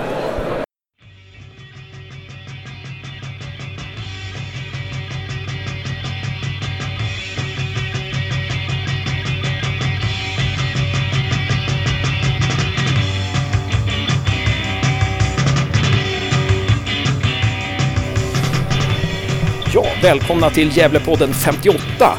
Eh, jag heter Hasse Carstensen och det här är nu, eh, ska jag så jag hälsa välkommen först, är Sofia Bolin.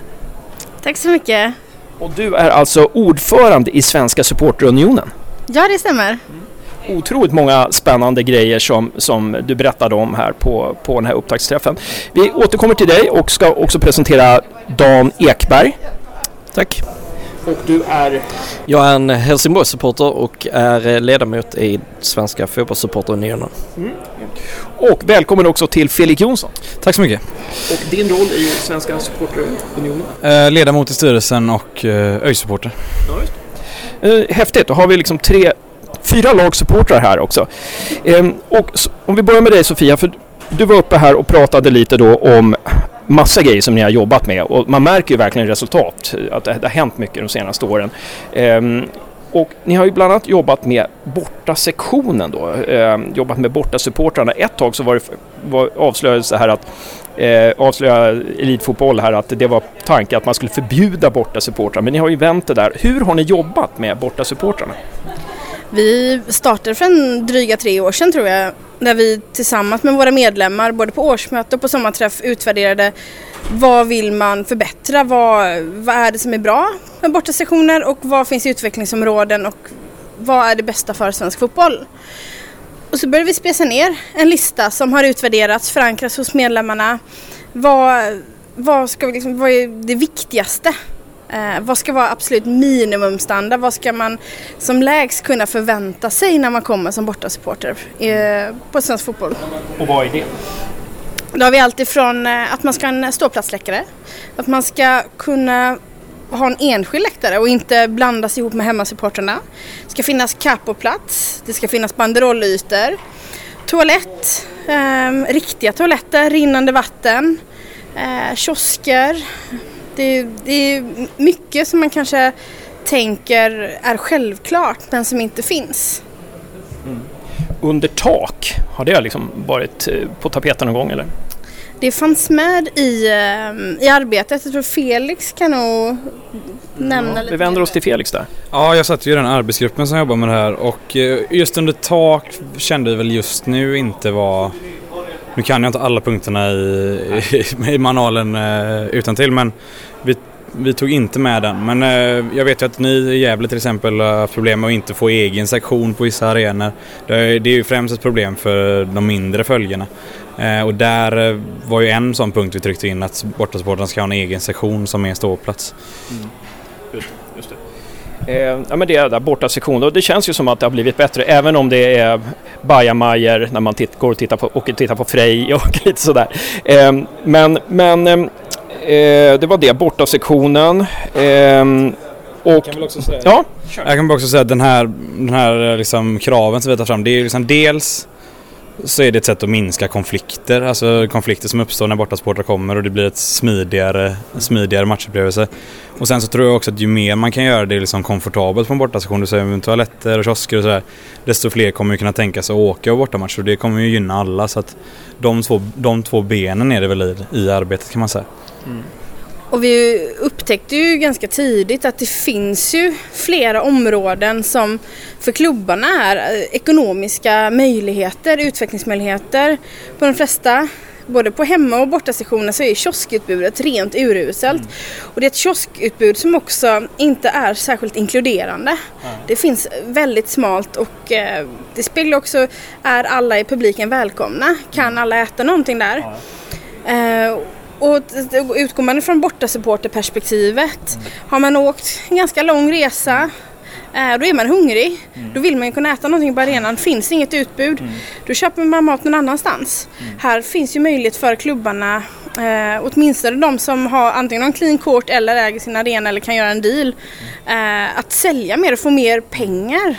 Och det är ju något väldigt viktigt inom svensk fotboll. Hur genererar vi nya intäktsmöjligheter? Dan? Yes, jag tänkte spinna lite vidare på det du säger om, eh, eller kanske främst sa tidigare att man hade en eh, tanke om att man kanske inte ska ha bortasupportrar. Att det sågs som ett problem. Och någonstans när eh, Svensk Elitfotboll tog det här beslutet att jobba tillsammans med supportrarna och utveckla det här tillsammans så, så blev det ett skifte i den tankegången. Och, eh, nu, nu känns det som att vi hela tiden jobbar mot att detta är någonting som, som bidrar.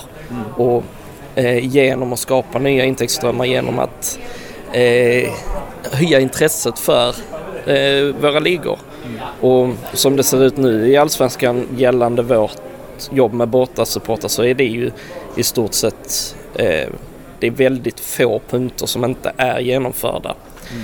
Däremot tittar vi på Superettan som är mer aktuellt för oss så är det mer jobb kvar att göra och det är mycket där vi lägger jobbet nu. Vi- Vad är kvar att göra i Superettan och bara ta någonting om du kommer på något? Ja, alltså, vi pratade lite tidigare om någon eh, bortasektion där man eh, hade en eh, pissoar som bestod av ett, eh, en presenning som man eh, fick stå emot. Och sen är det vissa bortasektioner som faktiskt inte är säkra för större eh, sällskap helt enkelt. Så, men eh, där, där är mer kvar att göra när det gäller de här grundläggande faciliteterna i Superettan än i Allsvenskan. Och Sofia, du sa ju när du var uppe på scenen där så sa du någonting också om eh, bengalernas framtid. där. Det tyck- Det tyckte jag var spännande. Ja, vi har ju sedan flera år tillbaka arbetat med ett eh, legalt eh, pyroalternativ. Allt ifrån eh, att försöka, från början var det att testa tillståndsgiven fast med de befintliga pjäserna. Men där satte ju poli- polis och brandmyndighet stopp för att det stod ju till havs och inte på arena på själva produkten även om de var CE-märkta. Och då har vi tillsammans med Danmark eh, satsat på en helt ny framtagen pjäs. Så vi inväntar leverans av pjäser eh, för att kunna testa det här eh, vid en, en riktig match. Eh, vår vision var ju att det skulle göras i Svenska Cupen i år men eh, det har skjutits fram lite på grund av leverans. Eh, men vi, vi ser med stor spänning på, på det här och för att utvärdera och se vad, vad, kan, vad kan vi göra med det? Vad finns det för möjligheter? Det viktiga är att ta med sig att det här är inte kanske slutprodukt, det här kanske inte ska ses som en lösning utan ett alternativ som kan utvecklas. Ehm, och kanske då minska den illegala pyrotekniken. Ja, jätte, jättespännande alltså. Um, SLO'n har ju också kommit de sista åren. Hur viktigt har det varit? Är det någon som vill yttra sig där? Om SLO'n? Ja, men det är ju också en sån eh, åtgärd som vi pratar om bortasektioner och minska konflikter. Alltså, eh, nu är det ju, jobbar SLOna olika mycket olika föreningar. Vissa har bara på matchdagar, vissa har heltidsanställda och vissa har flera och sådär. Men i, i mitt fall i Örgryte så har vi bara ideellt. Men det är ju någonting som, som gör hela liksom, upplevelsen mycket mer, mycket mer smärtfri. Det är väl främst det som jag kan peka på att så här, man kommer till en bortamatch och då har man redan fått information från SLO om var kan vi samlas innan matchen? Var, hur funkar det med biljetter för Men allt sånt där, allt praktiskt löser ju sig. Och det är ju en, en del i det här att vi närmar oss SEF till exempel och en bra dialog där. Genom SLO så blir ju också liksom, kommunikationen med, med klubben och med, med polis och allt sånt där. Det blir ju det minskar ju mycket konflikter så att, mm. och där ses ju Sverige som ett föregångsland. Det ser vi när vi är ute i Europa och sådär att man pratar mycket om hur det har fungerat i Sverige och vad vi gör bra och sådär. Ja. Mm. Det, det, är ju väldigt svårt uh, att mäta någonting som inte har skett för det är ju lite det man gör med slow-funktionen. Uh, om man ska utvärdera den, vad, hur kan man mäta någonting som inte sker? Uh, men tittar man när SLO-funktionen infördes 2012 så har eh, våldsincidenter och ingripanden på arenorna i svensk fotboll minskat rejält. Mm. Eh, och sen som, som Felix är inne på, man undviker konflikter, man undviker missförstånd, man gör upplevelsen för väldigt många olika sorters supporter så mycket enklare och smidigare. Mm. Och man närmar sig i relation till klubbar, till eh, SEF men också förbättra relationen med, med polisen tycker jag. Att mm. det, är, det, är, en fantastisk utveckling vi har ja. sett. Någonting mer som ni vill lägga till, någonting som ni jobbar med just nu som, och som ni kan, som ligger inför framtiden här? Vi har ju ett litet projekt som är lite hemligt än så länge. Men mm. som vi väl kan säga har att göra med en av våra fokusfrågor som är föreningsdemokrati. Eh, men det kommer väl dyka upp här eh, inom kort. Men eh, det kommer nog bli väldigt intressant tror jag. Spännande. När kommer ni släppa det? Inte riktigt spikat än men inom de närmsta månaderna kanske. Månaden. Man kan väl säga som så mycket att vi kommer u- eh, bortgå lite från det här kampanjandet som man så tydligt förknippat SFSU och 51 med. Och nu kommer vi nog arbeta mer långsiktigt med utbildandet inom föreningsdemokrati. Och det kommer bli ett stort projekt som kommer, tror jag, stor, stort genomslag och eh, vara väldigt nyttigt och en stor tillgång för eh, fotbollssupportrar, för fotbollsfantaster och medlemmar i våra föreningar. Ja, vi har ju också sett i år, eh, föreningsdemokratin när den kan vara som starkast, till exempel med AIK eller Landskrona mm. Boys. Mm. Eh, där eh, medlemmar verkligen visar att de vill vara med och påverka sina föreningar. Och genom vårt sätt att arbeta här så försöker vi ge lite fler verktyg till medlemmar och en större förståelse helt enkelt för hur det fungerar. Mm. Vi kan rekommendera alla som är fans att bli medlemmar i er supporterorganisation men bli medlemmar också i den klubb ni supportar så att, ni så att ni kan ha någonting att säga till om. Stort tack allihopa! Stort tack eh, Sofia! Tack så mycket! Tack Dan! Tack själv! Och tack Felix! Tack själv!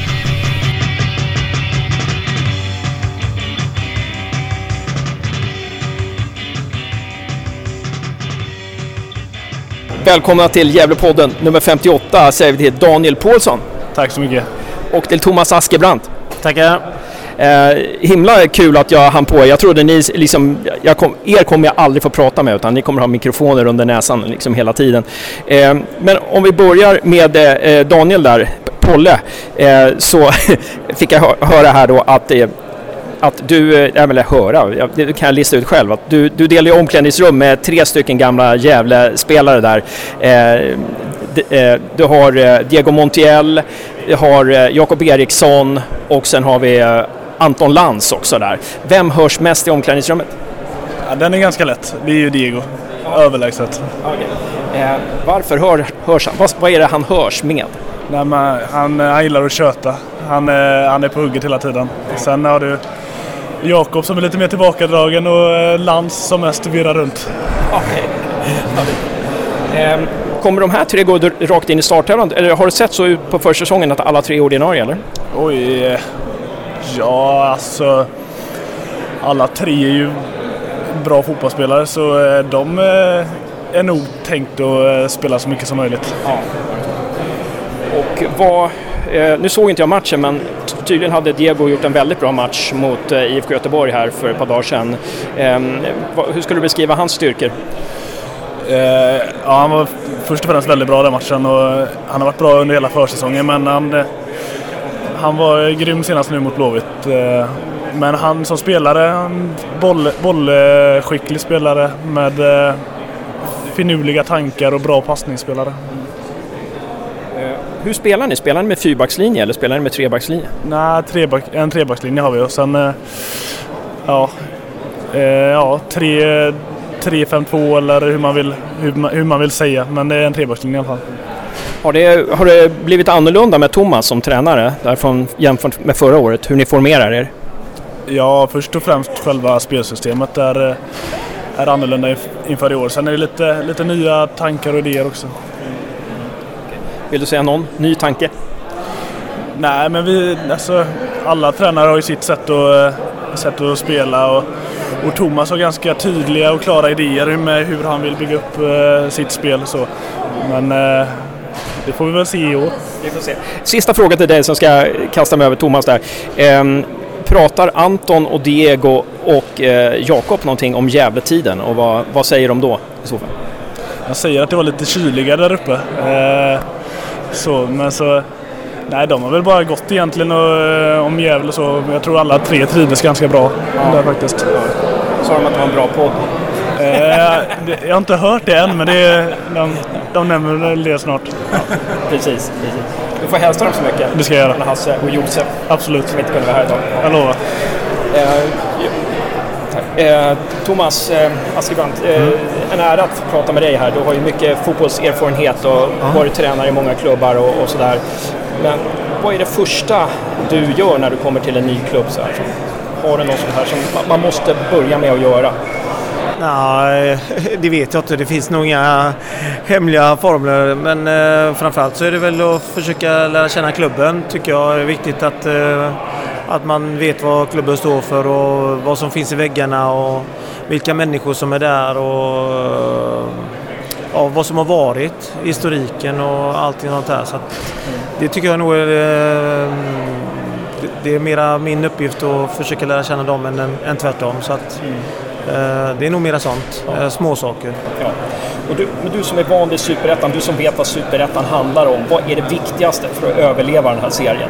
För att, eh, ja, för att klara sig bra i den här serien? Vad, vad, vad är det man måste få till?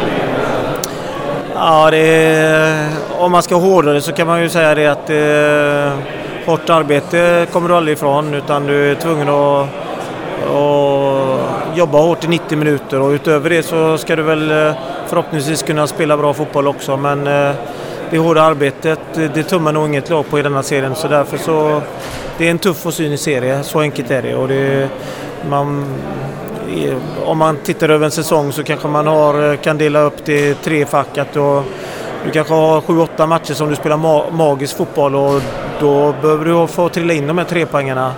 Och sen kanske du har en, eh, sju, åtta matcher som du tycker är mindre bra och då ska du ändå ta poäng eller, eller i bästa fall till och med ta en trepoängare i de matcherna. Och sen, ja, sen är det ju mittenskiktet där. Så att jag menar, du ska få poängen med dig. Vare sig du är bra eller dålig. Och det är inte alltid du får det även när du är bra. Så att, eh, det är en cynisk serie. Ja. Poya Asbaghi som var tränare i Gävle under hösten här, han sa att de flesta, eh, flesta lagen i, i Superettan har väldigt bra försvarsspel. De är bra organiserade. Det man kan skilja sig från dem är att, att de som vinner en serie, de som kommer högt upp, är de som har ett utvecklat förs- anfallsspel. Eh, håller du med honom där? Ja, men definitivt så är det ju så. Alla lagen i denna serien är bra defensivt. Så jag tycker väl att de flesta lagen är, är, är ganska bra offensivt också. Sen är frågan vad man prioriterar och trycker på i första hand då. Och det kanske det är mer pipboy jag tänker på att, att fokus eh, grunden ligger i ett försvarsspel. Men jag tror att det har skiftat lite grann sista åren. Däremot så tror jag att eh, det som eh, avgör den här serien i slutändan det är ju oftast de lagen som får spela med samma spelare och inte får byta för mycket. Eh, Eller får för mycket skador eller avstängningar och dylikt. Får man kontinuitet i truppen och får speltid på, på de man känner kanske är de här 13, 14, 15 som man har, då, då gör man oftast en bra säsong. Så där tror jag någonstans, för det är så jämnt. Eh, och det kan man väl se en fördel i de här de som har lite mer pengar. Pengar styr ju inte alltid men de som har lite mer pengar de eh, har lite eh, bättre förutsättningar för att klara sig 30 omgångar än vad vi andra har. Och det är bara att titta på, på Helsingborg för att ta det som ett exempel. Eh, de har ju helt andra muskler och kan plocka in helt andra spelare än vad vi andra gör. Och sen förpliktigar ju det också. Men eh, i längden så tror jag att ekonomi och, och en bra spelartrupp eh, är också ett framgångsrecept i den här serien. Vad tror du om Gävle IF i år, slutligen?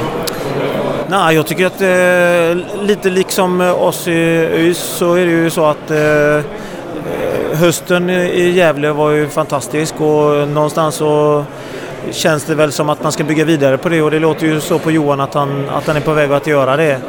Eh, och det tror jag nog är ganska klokt för det, det fungerar ju och det har ju spelarna positiva bilder utav. Så att, eh, och då tror jag allting blir mycket lättare och att man utgår därifrån. Sen vill säkert Johan lägga till det som han vill. Men någonstans där med tanke på den bra hösten som, eh, som laget och föreningen gjorde så tror jag att man ska, man ska boosta sig på det sättet och då tror jag att man kan göra en bra säsong också. Mm. Är det någon speciell spelare i Gävle IF som du... Som. Ja, fan jag tycker ni har många. Ja. Uh, om jag ska vara riktigt ärlig. Uh, Wiberg Karlsson är ju en uh, fin kille på topp där för att ta en. Uh, Piotr är bra. Krajl som lånade in från Malmö också ytterligare en, en bra rackare. Och, eh, Lanto givetvis. Alltså jag tycker det finns ganska många eh, bra spelare. Så att, eh,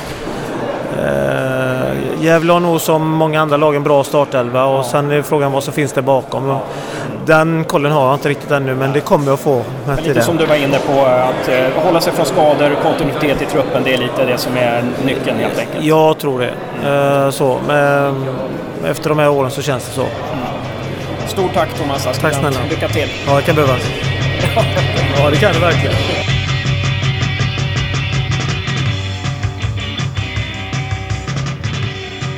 Välkommen till Gävlepodden 58.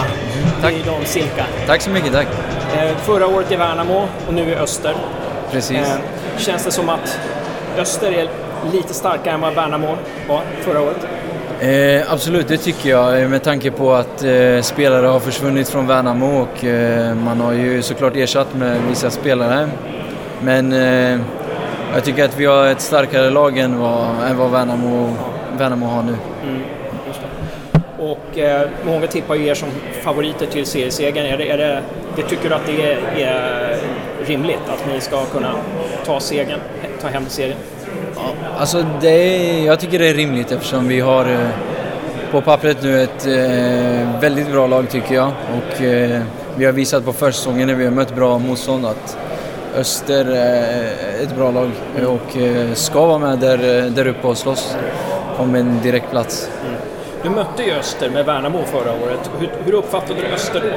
Som ett eh, skickligt lag, speciellt defensivt. Hade, var ett lag som släppte in ganska så få mål och eh, hade väl eh, några 1-0-segrar och så vidare. Så defensivt var de bra men saknade, saknade framåt. Eh, gjorde för lite mål. Ja, men eh, det var kul att möta dem i alla fall i ett litet Smålandsderby. Ja, just det. Och Christian Gärder då, när han, har, när han har tagit över, vad har han förändrat, tycker du, tror du, från Öster från förra året? Jag tror han, eh, eller jag vet att han har gjort det här laget till ett eh, mer offensivt lag och ja. har liksom en helt annan spelidé än vad det var förra året. Vi spelar ju en 4-4-2 nu, men ett, ett lag som ska ha bollen mycket mer än vad Öster hade förra året och styra matcherna, både, både hemma och borta. Mm. Var det, var det Christians eh, modell även i Värnamo, att han ville styra matcherna? Ja, trots att vi var lilla Värnamo så var det väl så att många matcher åkte vi, åkte vi iväg, bland annat Gävle. Ja, och eh, dominerade matchbilden och hade väldigt mycket boll. Och på våra hemmaplan var vi, var vi starka och liksom i många matcher förde spelet. Så. Jag pratade med Freddy Vint, eh, Vinst mm. tidigare och han sa att den matchen, bortamatchen mot Gävle var en helt galen match. Mm. Allt ni sköt gick in. Mm. Kände ja. du samma sak? Jag kände samma sak. Även fast vi gjorde, vi gjorde en väldigt bra match där, speciellt första 30-35 då. Men målen kom ju till eh, alldeles för, för enkelt och liksom från vinklar de kanske inte i vanliga fall går in men det var ju så. Det, det, de skotten vi sköt gick ju, gick ju i mål. Sen mötte ni Gävle hemma. Det blev 1-1 i den matchen. Det blev 2-2 kanske? 2-2. 2-2. Mm. Eh, och då hade Poja tagit över. Vad var skillnaden mellan Gävle på våren och på hösten tyckte du? Det Gävle vi mötte, där i början var det ju andra matchen där. Eh, det Gävle hade ingen struktur utan det var lätt, så lätt att spela sig igenom deras lagdelar och så vidare och kom till, kom till målchanser, ganska enkelt. Eh, Men sen så med Pojas lag där jag sa det till Piotr Johansson också, snackade lite med honom. Här att, eh, ja, de var riktigt bra. Det var liksom ett lag som ville ha bollen och hade, hade ett väldigt bra anfallsspel och och var väldigt jobbiga att möta. Så det var stor skillnad mellan det Gävle vi mötte i början och det lite senare. Eh, Dragan Kapsevic är Mm. mm. hos er, va? Ja. Han har ju spelat i Gävle förut. och Så, vad, vad, hur, hur är det med Dragan? Kommer han få vara avbytare eller kommer han vara med i startelvan? Alltså det, det vet jag inte just nu, men Nej. Dragan har ju, har ju spelat, spelat mycket på försäsongen och gjort det bra. Liksom. Han, han bidrar med mycket. Han är en oerhört bra lagspelare och han är väl omtyckt eh, tror jag i Gävle också. Samma sak i Sirius där. Så det är en, en väldigt bra lagspelare som, som vi kommer ha nytta av. Eh, du får hälsa honom från Gävlepodden. Det ska jag göra. Det ska jag göra. Sista frågan, vad tror du om Gävle i år? Ja, med Johan Mjällby, jag menar, jag tror, det var jag tror, jag har inte sett eh, Gävle spela, men jag tror att det är ett lag liksom som eh, kommer vara eh, spelförande i ganska så många matcher och eh, spela en förhoppningsvis en attraktiv fotboll man tycker om i Gävle. Eh, och de har ju liksom Piotr Johansson, liksom en bra spelare och kan, eh, kan göra det bra i år. Kände du och Piotr varandra från tidigare? Nej, nej, jag har bara koll på vem han är. Liksom så här. Han, han har gjort det bra tidigare så man, man har ju liksom extra koll när man, när man scoutar så Ja, får man reda på att man ska vara extra tight på honom. Ja, just det, just det. Ja, men stort tack Lindon. Eh, Lycka, till. Tack, tack, lycka till.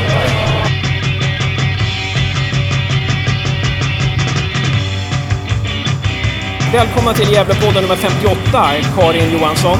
Hej hej! Eh, från Arbetarbladet, eh, Gefle Dagblad. Eh, och sen har vi Christian Bågefelt, också Mittmedia, skriver i eh, Dala-Demokraten då och... Eh, Ja, DT Dalarna helt enkelt. DT Ja. Dalarnas sajt eller DT Dala-Demokraten och Avesta Tidning tillhör också det.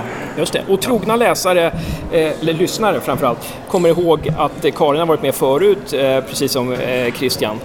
Ehm, och då har vi genomlevt en upptaktsträff, Superettan 2018. Eh, spontana intryck, Karin, eh, av den här dagen. Arrangemanget, vi kan börja med arrangemanget.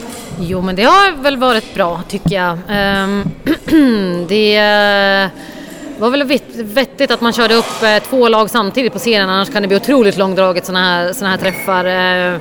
Som eh, Christian var inne på lite tidigare när han och jag pratade om hur det har varit så det händer ju inte så jättemycket spektakulära grejer utan det är mycket klyschor och vi ska jobba hårt och vad det nu är liksom. Så, ehm, men eh, var, lite kul var det. Jag tyckte Lasse Nilsson är rolig att se, ehm, gamla Brage-profilen. Um, sa väl lite just det här om att, att det saknas kanske lite just profiler. Eh, uh, det tog jag upp med Piotr Johansson. Jag tycker att han är en sån som Ja, men han är lite kaxig, han är lite, ja men han tar, tar för sig lite, han skäms inte över att tycka att han är bra. Eh, och det tycker jag, det sa det jag bara, att jag tyckte att det var intressant. Ehm, att, ehm, att man kanske ska skapa liksom lite profiler för att inte, vara just, inte just säga de här sportklyschorna. Så det tyckte jag var en intressant grej. I övrigt så är det ju alltid kul, eh, om man tänker just arrangemangsmässigt, eh, så är det alltid kul att se alla de här stora fotbollsprofilerna som är här. Eh, Det är ändå mycket kända fotbollsnamn som är här. Så det, på så sätt har det varit väldigt kul och lärorikt för mig. Christian, dina intryck av dagen? Det har väl varit ungefär som det brukar vara på den här typen av tillställningar. Det är, som Karin är inne på, det är inte mycket överraskningar utan det är ett tillfälle på något vis att starta säsongen, bonda med ganska mycket folk i branschen på något vis. Man, man liksom, man, alltså det är ett ganska lätt sätt att få god kontakt med människor som det är bra att ha god kontakt med när man jobbar med det här och, och när man är inne i fotbollsbubblan lite grann. Så att, så att på så vis är det väldigt bra. Så kommer man ju hem såklart med, med ett gäng intervjuer och, och den typen av grejer också. Men, men det är ju sällan det, det är liksom, det är sällan det bränns riktigt på sådana här tillställningar om man säger så. Då. Ja, just det. Eh, Alla känner alla sen förut och lite sådär. Eh, Jag tyckte det var himla bra när de eh, tog in det här supporterna. Supportunionen tyckte jag var bra och domarna. Vet inte vad ni säger om det? Vad säger Karin? Jo, eh, vissa regeländringar, just den här om friläges eller målchansutvisning som det heter, eh, hade jag läst här för någon vecka sedan och tyckte det var väldigt intressant. Så det var ju kul när man får eh, när man får lite, vad ska jag säga, lite pedagogik när man får se filmklipp, eh, hur de, hur de tänker och hur de bedömer och det är väldigt viktigt så. eh, att man hänger med i vad som eh, händer, vad, vad det sker för regeländringar och så. Och just, jag hade hört ehm, hon från eh, vad heter det, SVUF, vad heter det, Svenska supporter... Ja, ja, ja, precis. Jag hade hört hennes eh, intervju med, när hon var med i Olof Lunds podd. Okej, Eh, okej. Ja, och den tyckte jag, det var en, en bra intervju och hon gav ett jättebra intryck. Nej men hon, hon gav ett jätteproffsigt intryck i den intervjun, i den podden och eh, jag tyckte även hon eh, är vettig, hon säger mycket bra saker här. Eh, så ja men det är intressant att höra att ja, men just det här med samarbeten med företag, att de har inte riktigt velat vara med förut och nu, nu har det blivit en förändring inom fotbollen. Och det tyckte jag var väldigt intressant. Ehm, att, ja, men att man har fått bort mycket rasism och sånt. Ja, då har man väl lite att jobba med kanske med homofobi och lite eh, kvinnofrågor och lite sånt. Eh, det finns ju kvar att jobba på men det, har en, det, det tas ju ändå steg framåt. Fotbollen blir ändå bättre, supporterkulturen blir ändå bättre. Det tycker jag är viktigt och intressant som sagt att de lyfter det eh, även här. Mm. Jag ska bara tillägga här att när, när Gävle-folket lämnade här nu. Johan Mjällby tog en banan medan Piotr tog två småkakor. Jag vet inte om det säger någonting. Det där, måste vi följa upp. Ja, och Mjällby är faktiskt bra mycket bitigare än vad Piotr är så att eh, ja, det syns ju vem som är noga med kosten i alla fall. Det kanske är så att Piotr känner att jag har tränat rätt mycket den här veckan så jag kan få ta vad jag vill. Eh, och Johan säger, jag, jag har bara suttit på läktaren hela veckan. Ehm, ja, men bra. Ja, men du, du är inne på det där, ehm, det där spåret, alltså om man ska fortsätta på genusspåret. Eh, inte så många kvinnliga, inga kvinnliga tränare, inga kvinnliga domare. eh, sånt där. Eh, när får vi se det? Oj, det tror jag. Fotbollen är så pass konservativ så det tror jag kommer dröja ett bra tag. Ehm, den som har varit närmast är och ens varit med i ett sånt snack är ju Pia Sundhage eh, vad det just gäller tränarbiten. Domarfrågor, ja vi har ju haft. Det har funnits någon eh, kvinnlig linjedomare, assisterande som det heter, eh, i tyska ligan tror jag. Ehm, lite så, jag minns inte riktigt, hon fick väl en hel del skit. Ehm, så har det funnits någon kvinnlig assistent assisterande i engelska ligan också som i princip aldrig gjorde ett misstag. Hon vinkade fel offside en gång på typ så här 25 matcher eller något. Eh, men ja, i Sverige, ja jag vet faktiskt inte. Jag vet faktiskt inte ens det, om det finns, vilken, eh, på vilken nivå det finns eh, domare på hög nivå. Men det finns många tränare, många damtränare som går ut Uefa Pro Mm. License-utbildningen som inte får t- träna jobb inom herrfotbollen. Mm. Och de är ju precis lika kvalificerade, men det behöver vi inte ta upp här, det är en annan fråga. Eh, men Christian, eh, någonting du vill säga om ur eh, Dala-perspektiv där? Eh, vad fick du för känslor om motståndarna och, och Brage? Brage tippades ju av eh, den samlade mediakåren ganska långt ner på 15 plats. Eh, och jag som har följt Brage, eh, jag tippade dem lite högre än så ska jag säga. Eh, jag tippade dem eh, i det här som vi skickade in som nia faktiskt. Eh, där jag, mycket på grund av att jag, jag har ju sett laget mycket på försäsongen nu och man har ju gjort, man har gjort bra resultat, det ska man ju absolut säga. Sen kanske inte man ska dra för stora växlar på det. Man har ju slagit Gävle exempelvis med, med 4-0 och, och AFC Eskilstuna med 4-1 och IK Frej med 3-0. Så att det är ju, Ser man bara på siffrorna så är det ju imponerande segrar mot lag som spelar i Superettan. Eh, Men det blir ju en helt annan sak när det kommer handla om tre poäng. Men eh, som sagt, jag, jag, jag tycker väl att de har fått ihop det snabbare Brage än vad jag trodde att de skulle få. Det tror jag nästan att, att de tycker själva också att de har fått ihop det snabbare för det är ju ny tränare, Ikleberg Sarenpää och tio nyförvärv. Eh, Och det känns som att de har köpt hans idé på något vis och hans, det han vill införa fullt ut på väldigt snabbt. Eh, Och det känns redan som en ganska liksom sammansvetsad och tajt grupp. Så. Eh, Sen är det mycket som ska klaffa såklart. Eh, Alltså det här som jag tippar om nia, eh, det är ju plus minus eh, ett antal placeringar. De kan, de kan bli bättre och de kan absolut bli sämre också. Eh, Så det, det, och det är en extremt tajt superetta i år så att det, det är fruktansvärt svårt tycker jag. Precis, precis. Men äh, Kleber Sarenpää känns väldigt spännande. Alltså, det är en tränare som jag tror, precis som Christian Jädler och Poja och flera stycken, kanske även Johan Mjällby, kommer liksom att låta höra talas om sig eh, framöver. Men det ska bli spännande att följa Brage. Eh, tack Christian. Gävle andra omgången redan. Ja, är ja, det är borta. Ja. Mm, precis, jag har redan anmält mig till bortaresan. Ja, just det. Ehm, ja, men bra. Eh, så anmäl, ni som lyssnar på det här, gå in på Carrick-läktaren och anmäl, anmäl er till borta, bortaresan där. mot Brage den 9 april. Eh, slutligen då Karin, eh, du var ju i podden så var du ju lite så här, du var ju lite, konf, lite så här fundersam ska jag säga, när vi anställde, när Gävle IF anställde Johan Mjällby och eh, hur känner du nu efter att ha sett Gävle och hört lite mer? Och... Ja, eh, jag har fått ett, ett, ett, väldigt bra intryck av honom hittills. Han har varit väldigt, eh, han är väldigt talför. Det märks att han har varit med i fotbollsbranschen i eh, 250 år ungefär. Ehm, så, och men, ja, men just den här smällen som Christian pratade om, eh, käftsmällen man fick mot Brage när det blev 4-0, försvaret var jättevirrigt. Då, eh, jag pratade med Mjällby här förra, för förra veckan och då sa även han att då var, funderade han själv på vad, har de inte lyssnat på vad jag har sagt? Han var verkligen förvånad. Men, eh, men efter, efter det tycker jag att det har vänt lite. Jag tycker att det börjar se lite mer spännande ut. Eh, gjorde en bra match mot Sirius här, även om Sirius ägde som sagt mycket boll i den andra halvleken så tycker jag att det var en bra genomförd match. Man kommer tillbaka. Eh, två debutantmålskyttar, bara det är viktigt att få igång målskyttet även om Jesper Björkman kanske inte kommer vara den främsta målskytten den här säsongen. Men eh, hur som så um, jag är inte lika skeptisk som jag var när han kom in, uh, även om jag tycker att han har fortfarande mycket att bevisa. Men det ska bli intressant att se vad den här säsongen ger. Och det är alltid svårt så här till en början. Man vet inte riktigt. De har ju haft tufft motstånd i både kuppen och man har spelat mot ganska tufft motstånd i ehm, i, eh, i träningsmatcherna och det tror jag har varit nyttigt. Eh, så eh, ja, Värnamo på måndag nästa vecka, då är det upp till bevis. Precis. Vi möter, vi möter Värnamo som vi torskade med hemma mot 5-2 förra, förra säsongen. Vi möter dem hemma. Vi möter Brage borta som vi torskade med, med 4-0 på mm. säsongen. Så det är, verkligen, det är verkligen två revanschmöten. Så är det verkligen. Så att, nej men det, det låter ju fånigt att säga att det är viktigt med en bra start för det är det väl för guds skull för alla. Men, mm. men det är klart att det är viktigt att man inte åker på två dyngtorsk till en början. Så att, så att, men för det pratade med Piotr också om eh, tidigare idag. Att, eh, eh, att man har lärt sig lite. Att när man släppte in ett mål förra året, ja men då var man så blev man så extremt nere och, och man, man, hade ingen tro på sig själv och tappade självförtroende. Så, och så, då sa han att ja, men vi har lärt oss lite mer mentalt från förra året. Så det, det tycker jag känns också positivt att man inte går ner sig kanske så jättemycket om det nu skulle bli att man ligger under med ett eller två mål.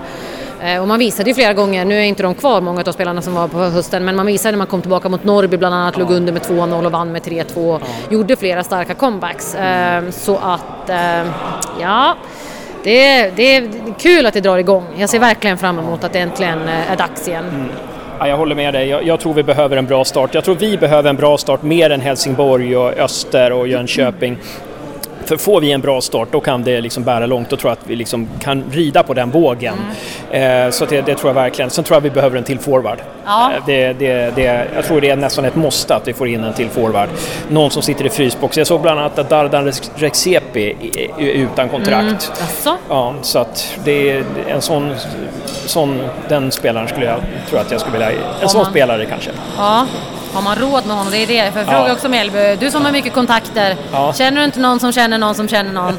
Ja, du vet det här med ekonomin, vi måste få stabilitet först. Ja. Så att det, är för, det är klart man inte ska äh, äventyra klubbens existens, men eh, det, är klart, det, är klart jag håller med om att det skulle behövas komma in en, en rejäl äh, målspruta. Det en, äh, Ja, vi får se, vi får hoppas att eh, Adam, Adam BV får eh, en ex, lika explosiv utveckling eh, på sin karriär som han har när han tar de första stegen på planen. Ja, så är det. Tack så mycket Karin M tack Johansson. Själv. Ha en trevlig hemresa till Tusen tack. Gävle. Detsamma, tack. detsamma. Och tack Christian. Ha en bra hemresa till, var det nu, var det nu? Falun. Falun, ja, ja just det. Men det är nära Borlänge så att jag har nära till Domnarvsvallen. Ja, just det. Ja. ja men grymt. Ha det bra.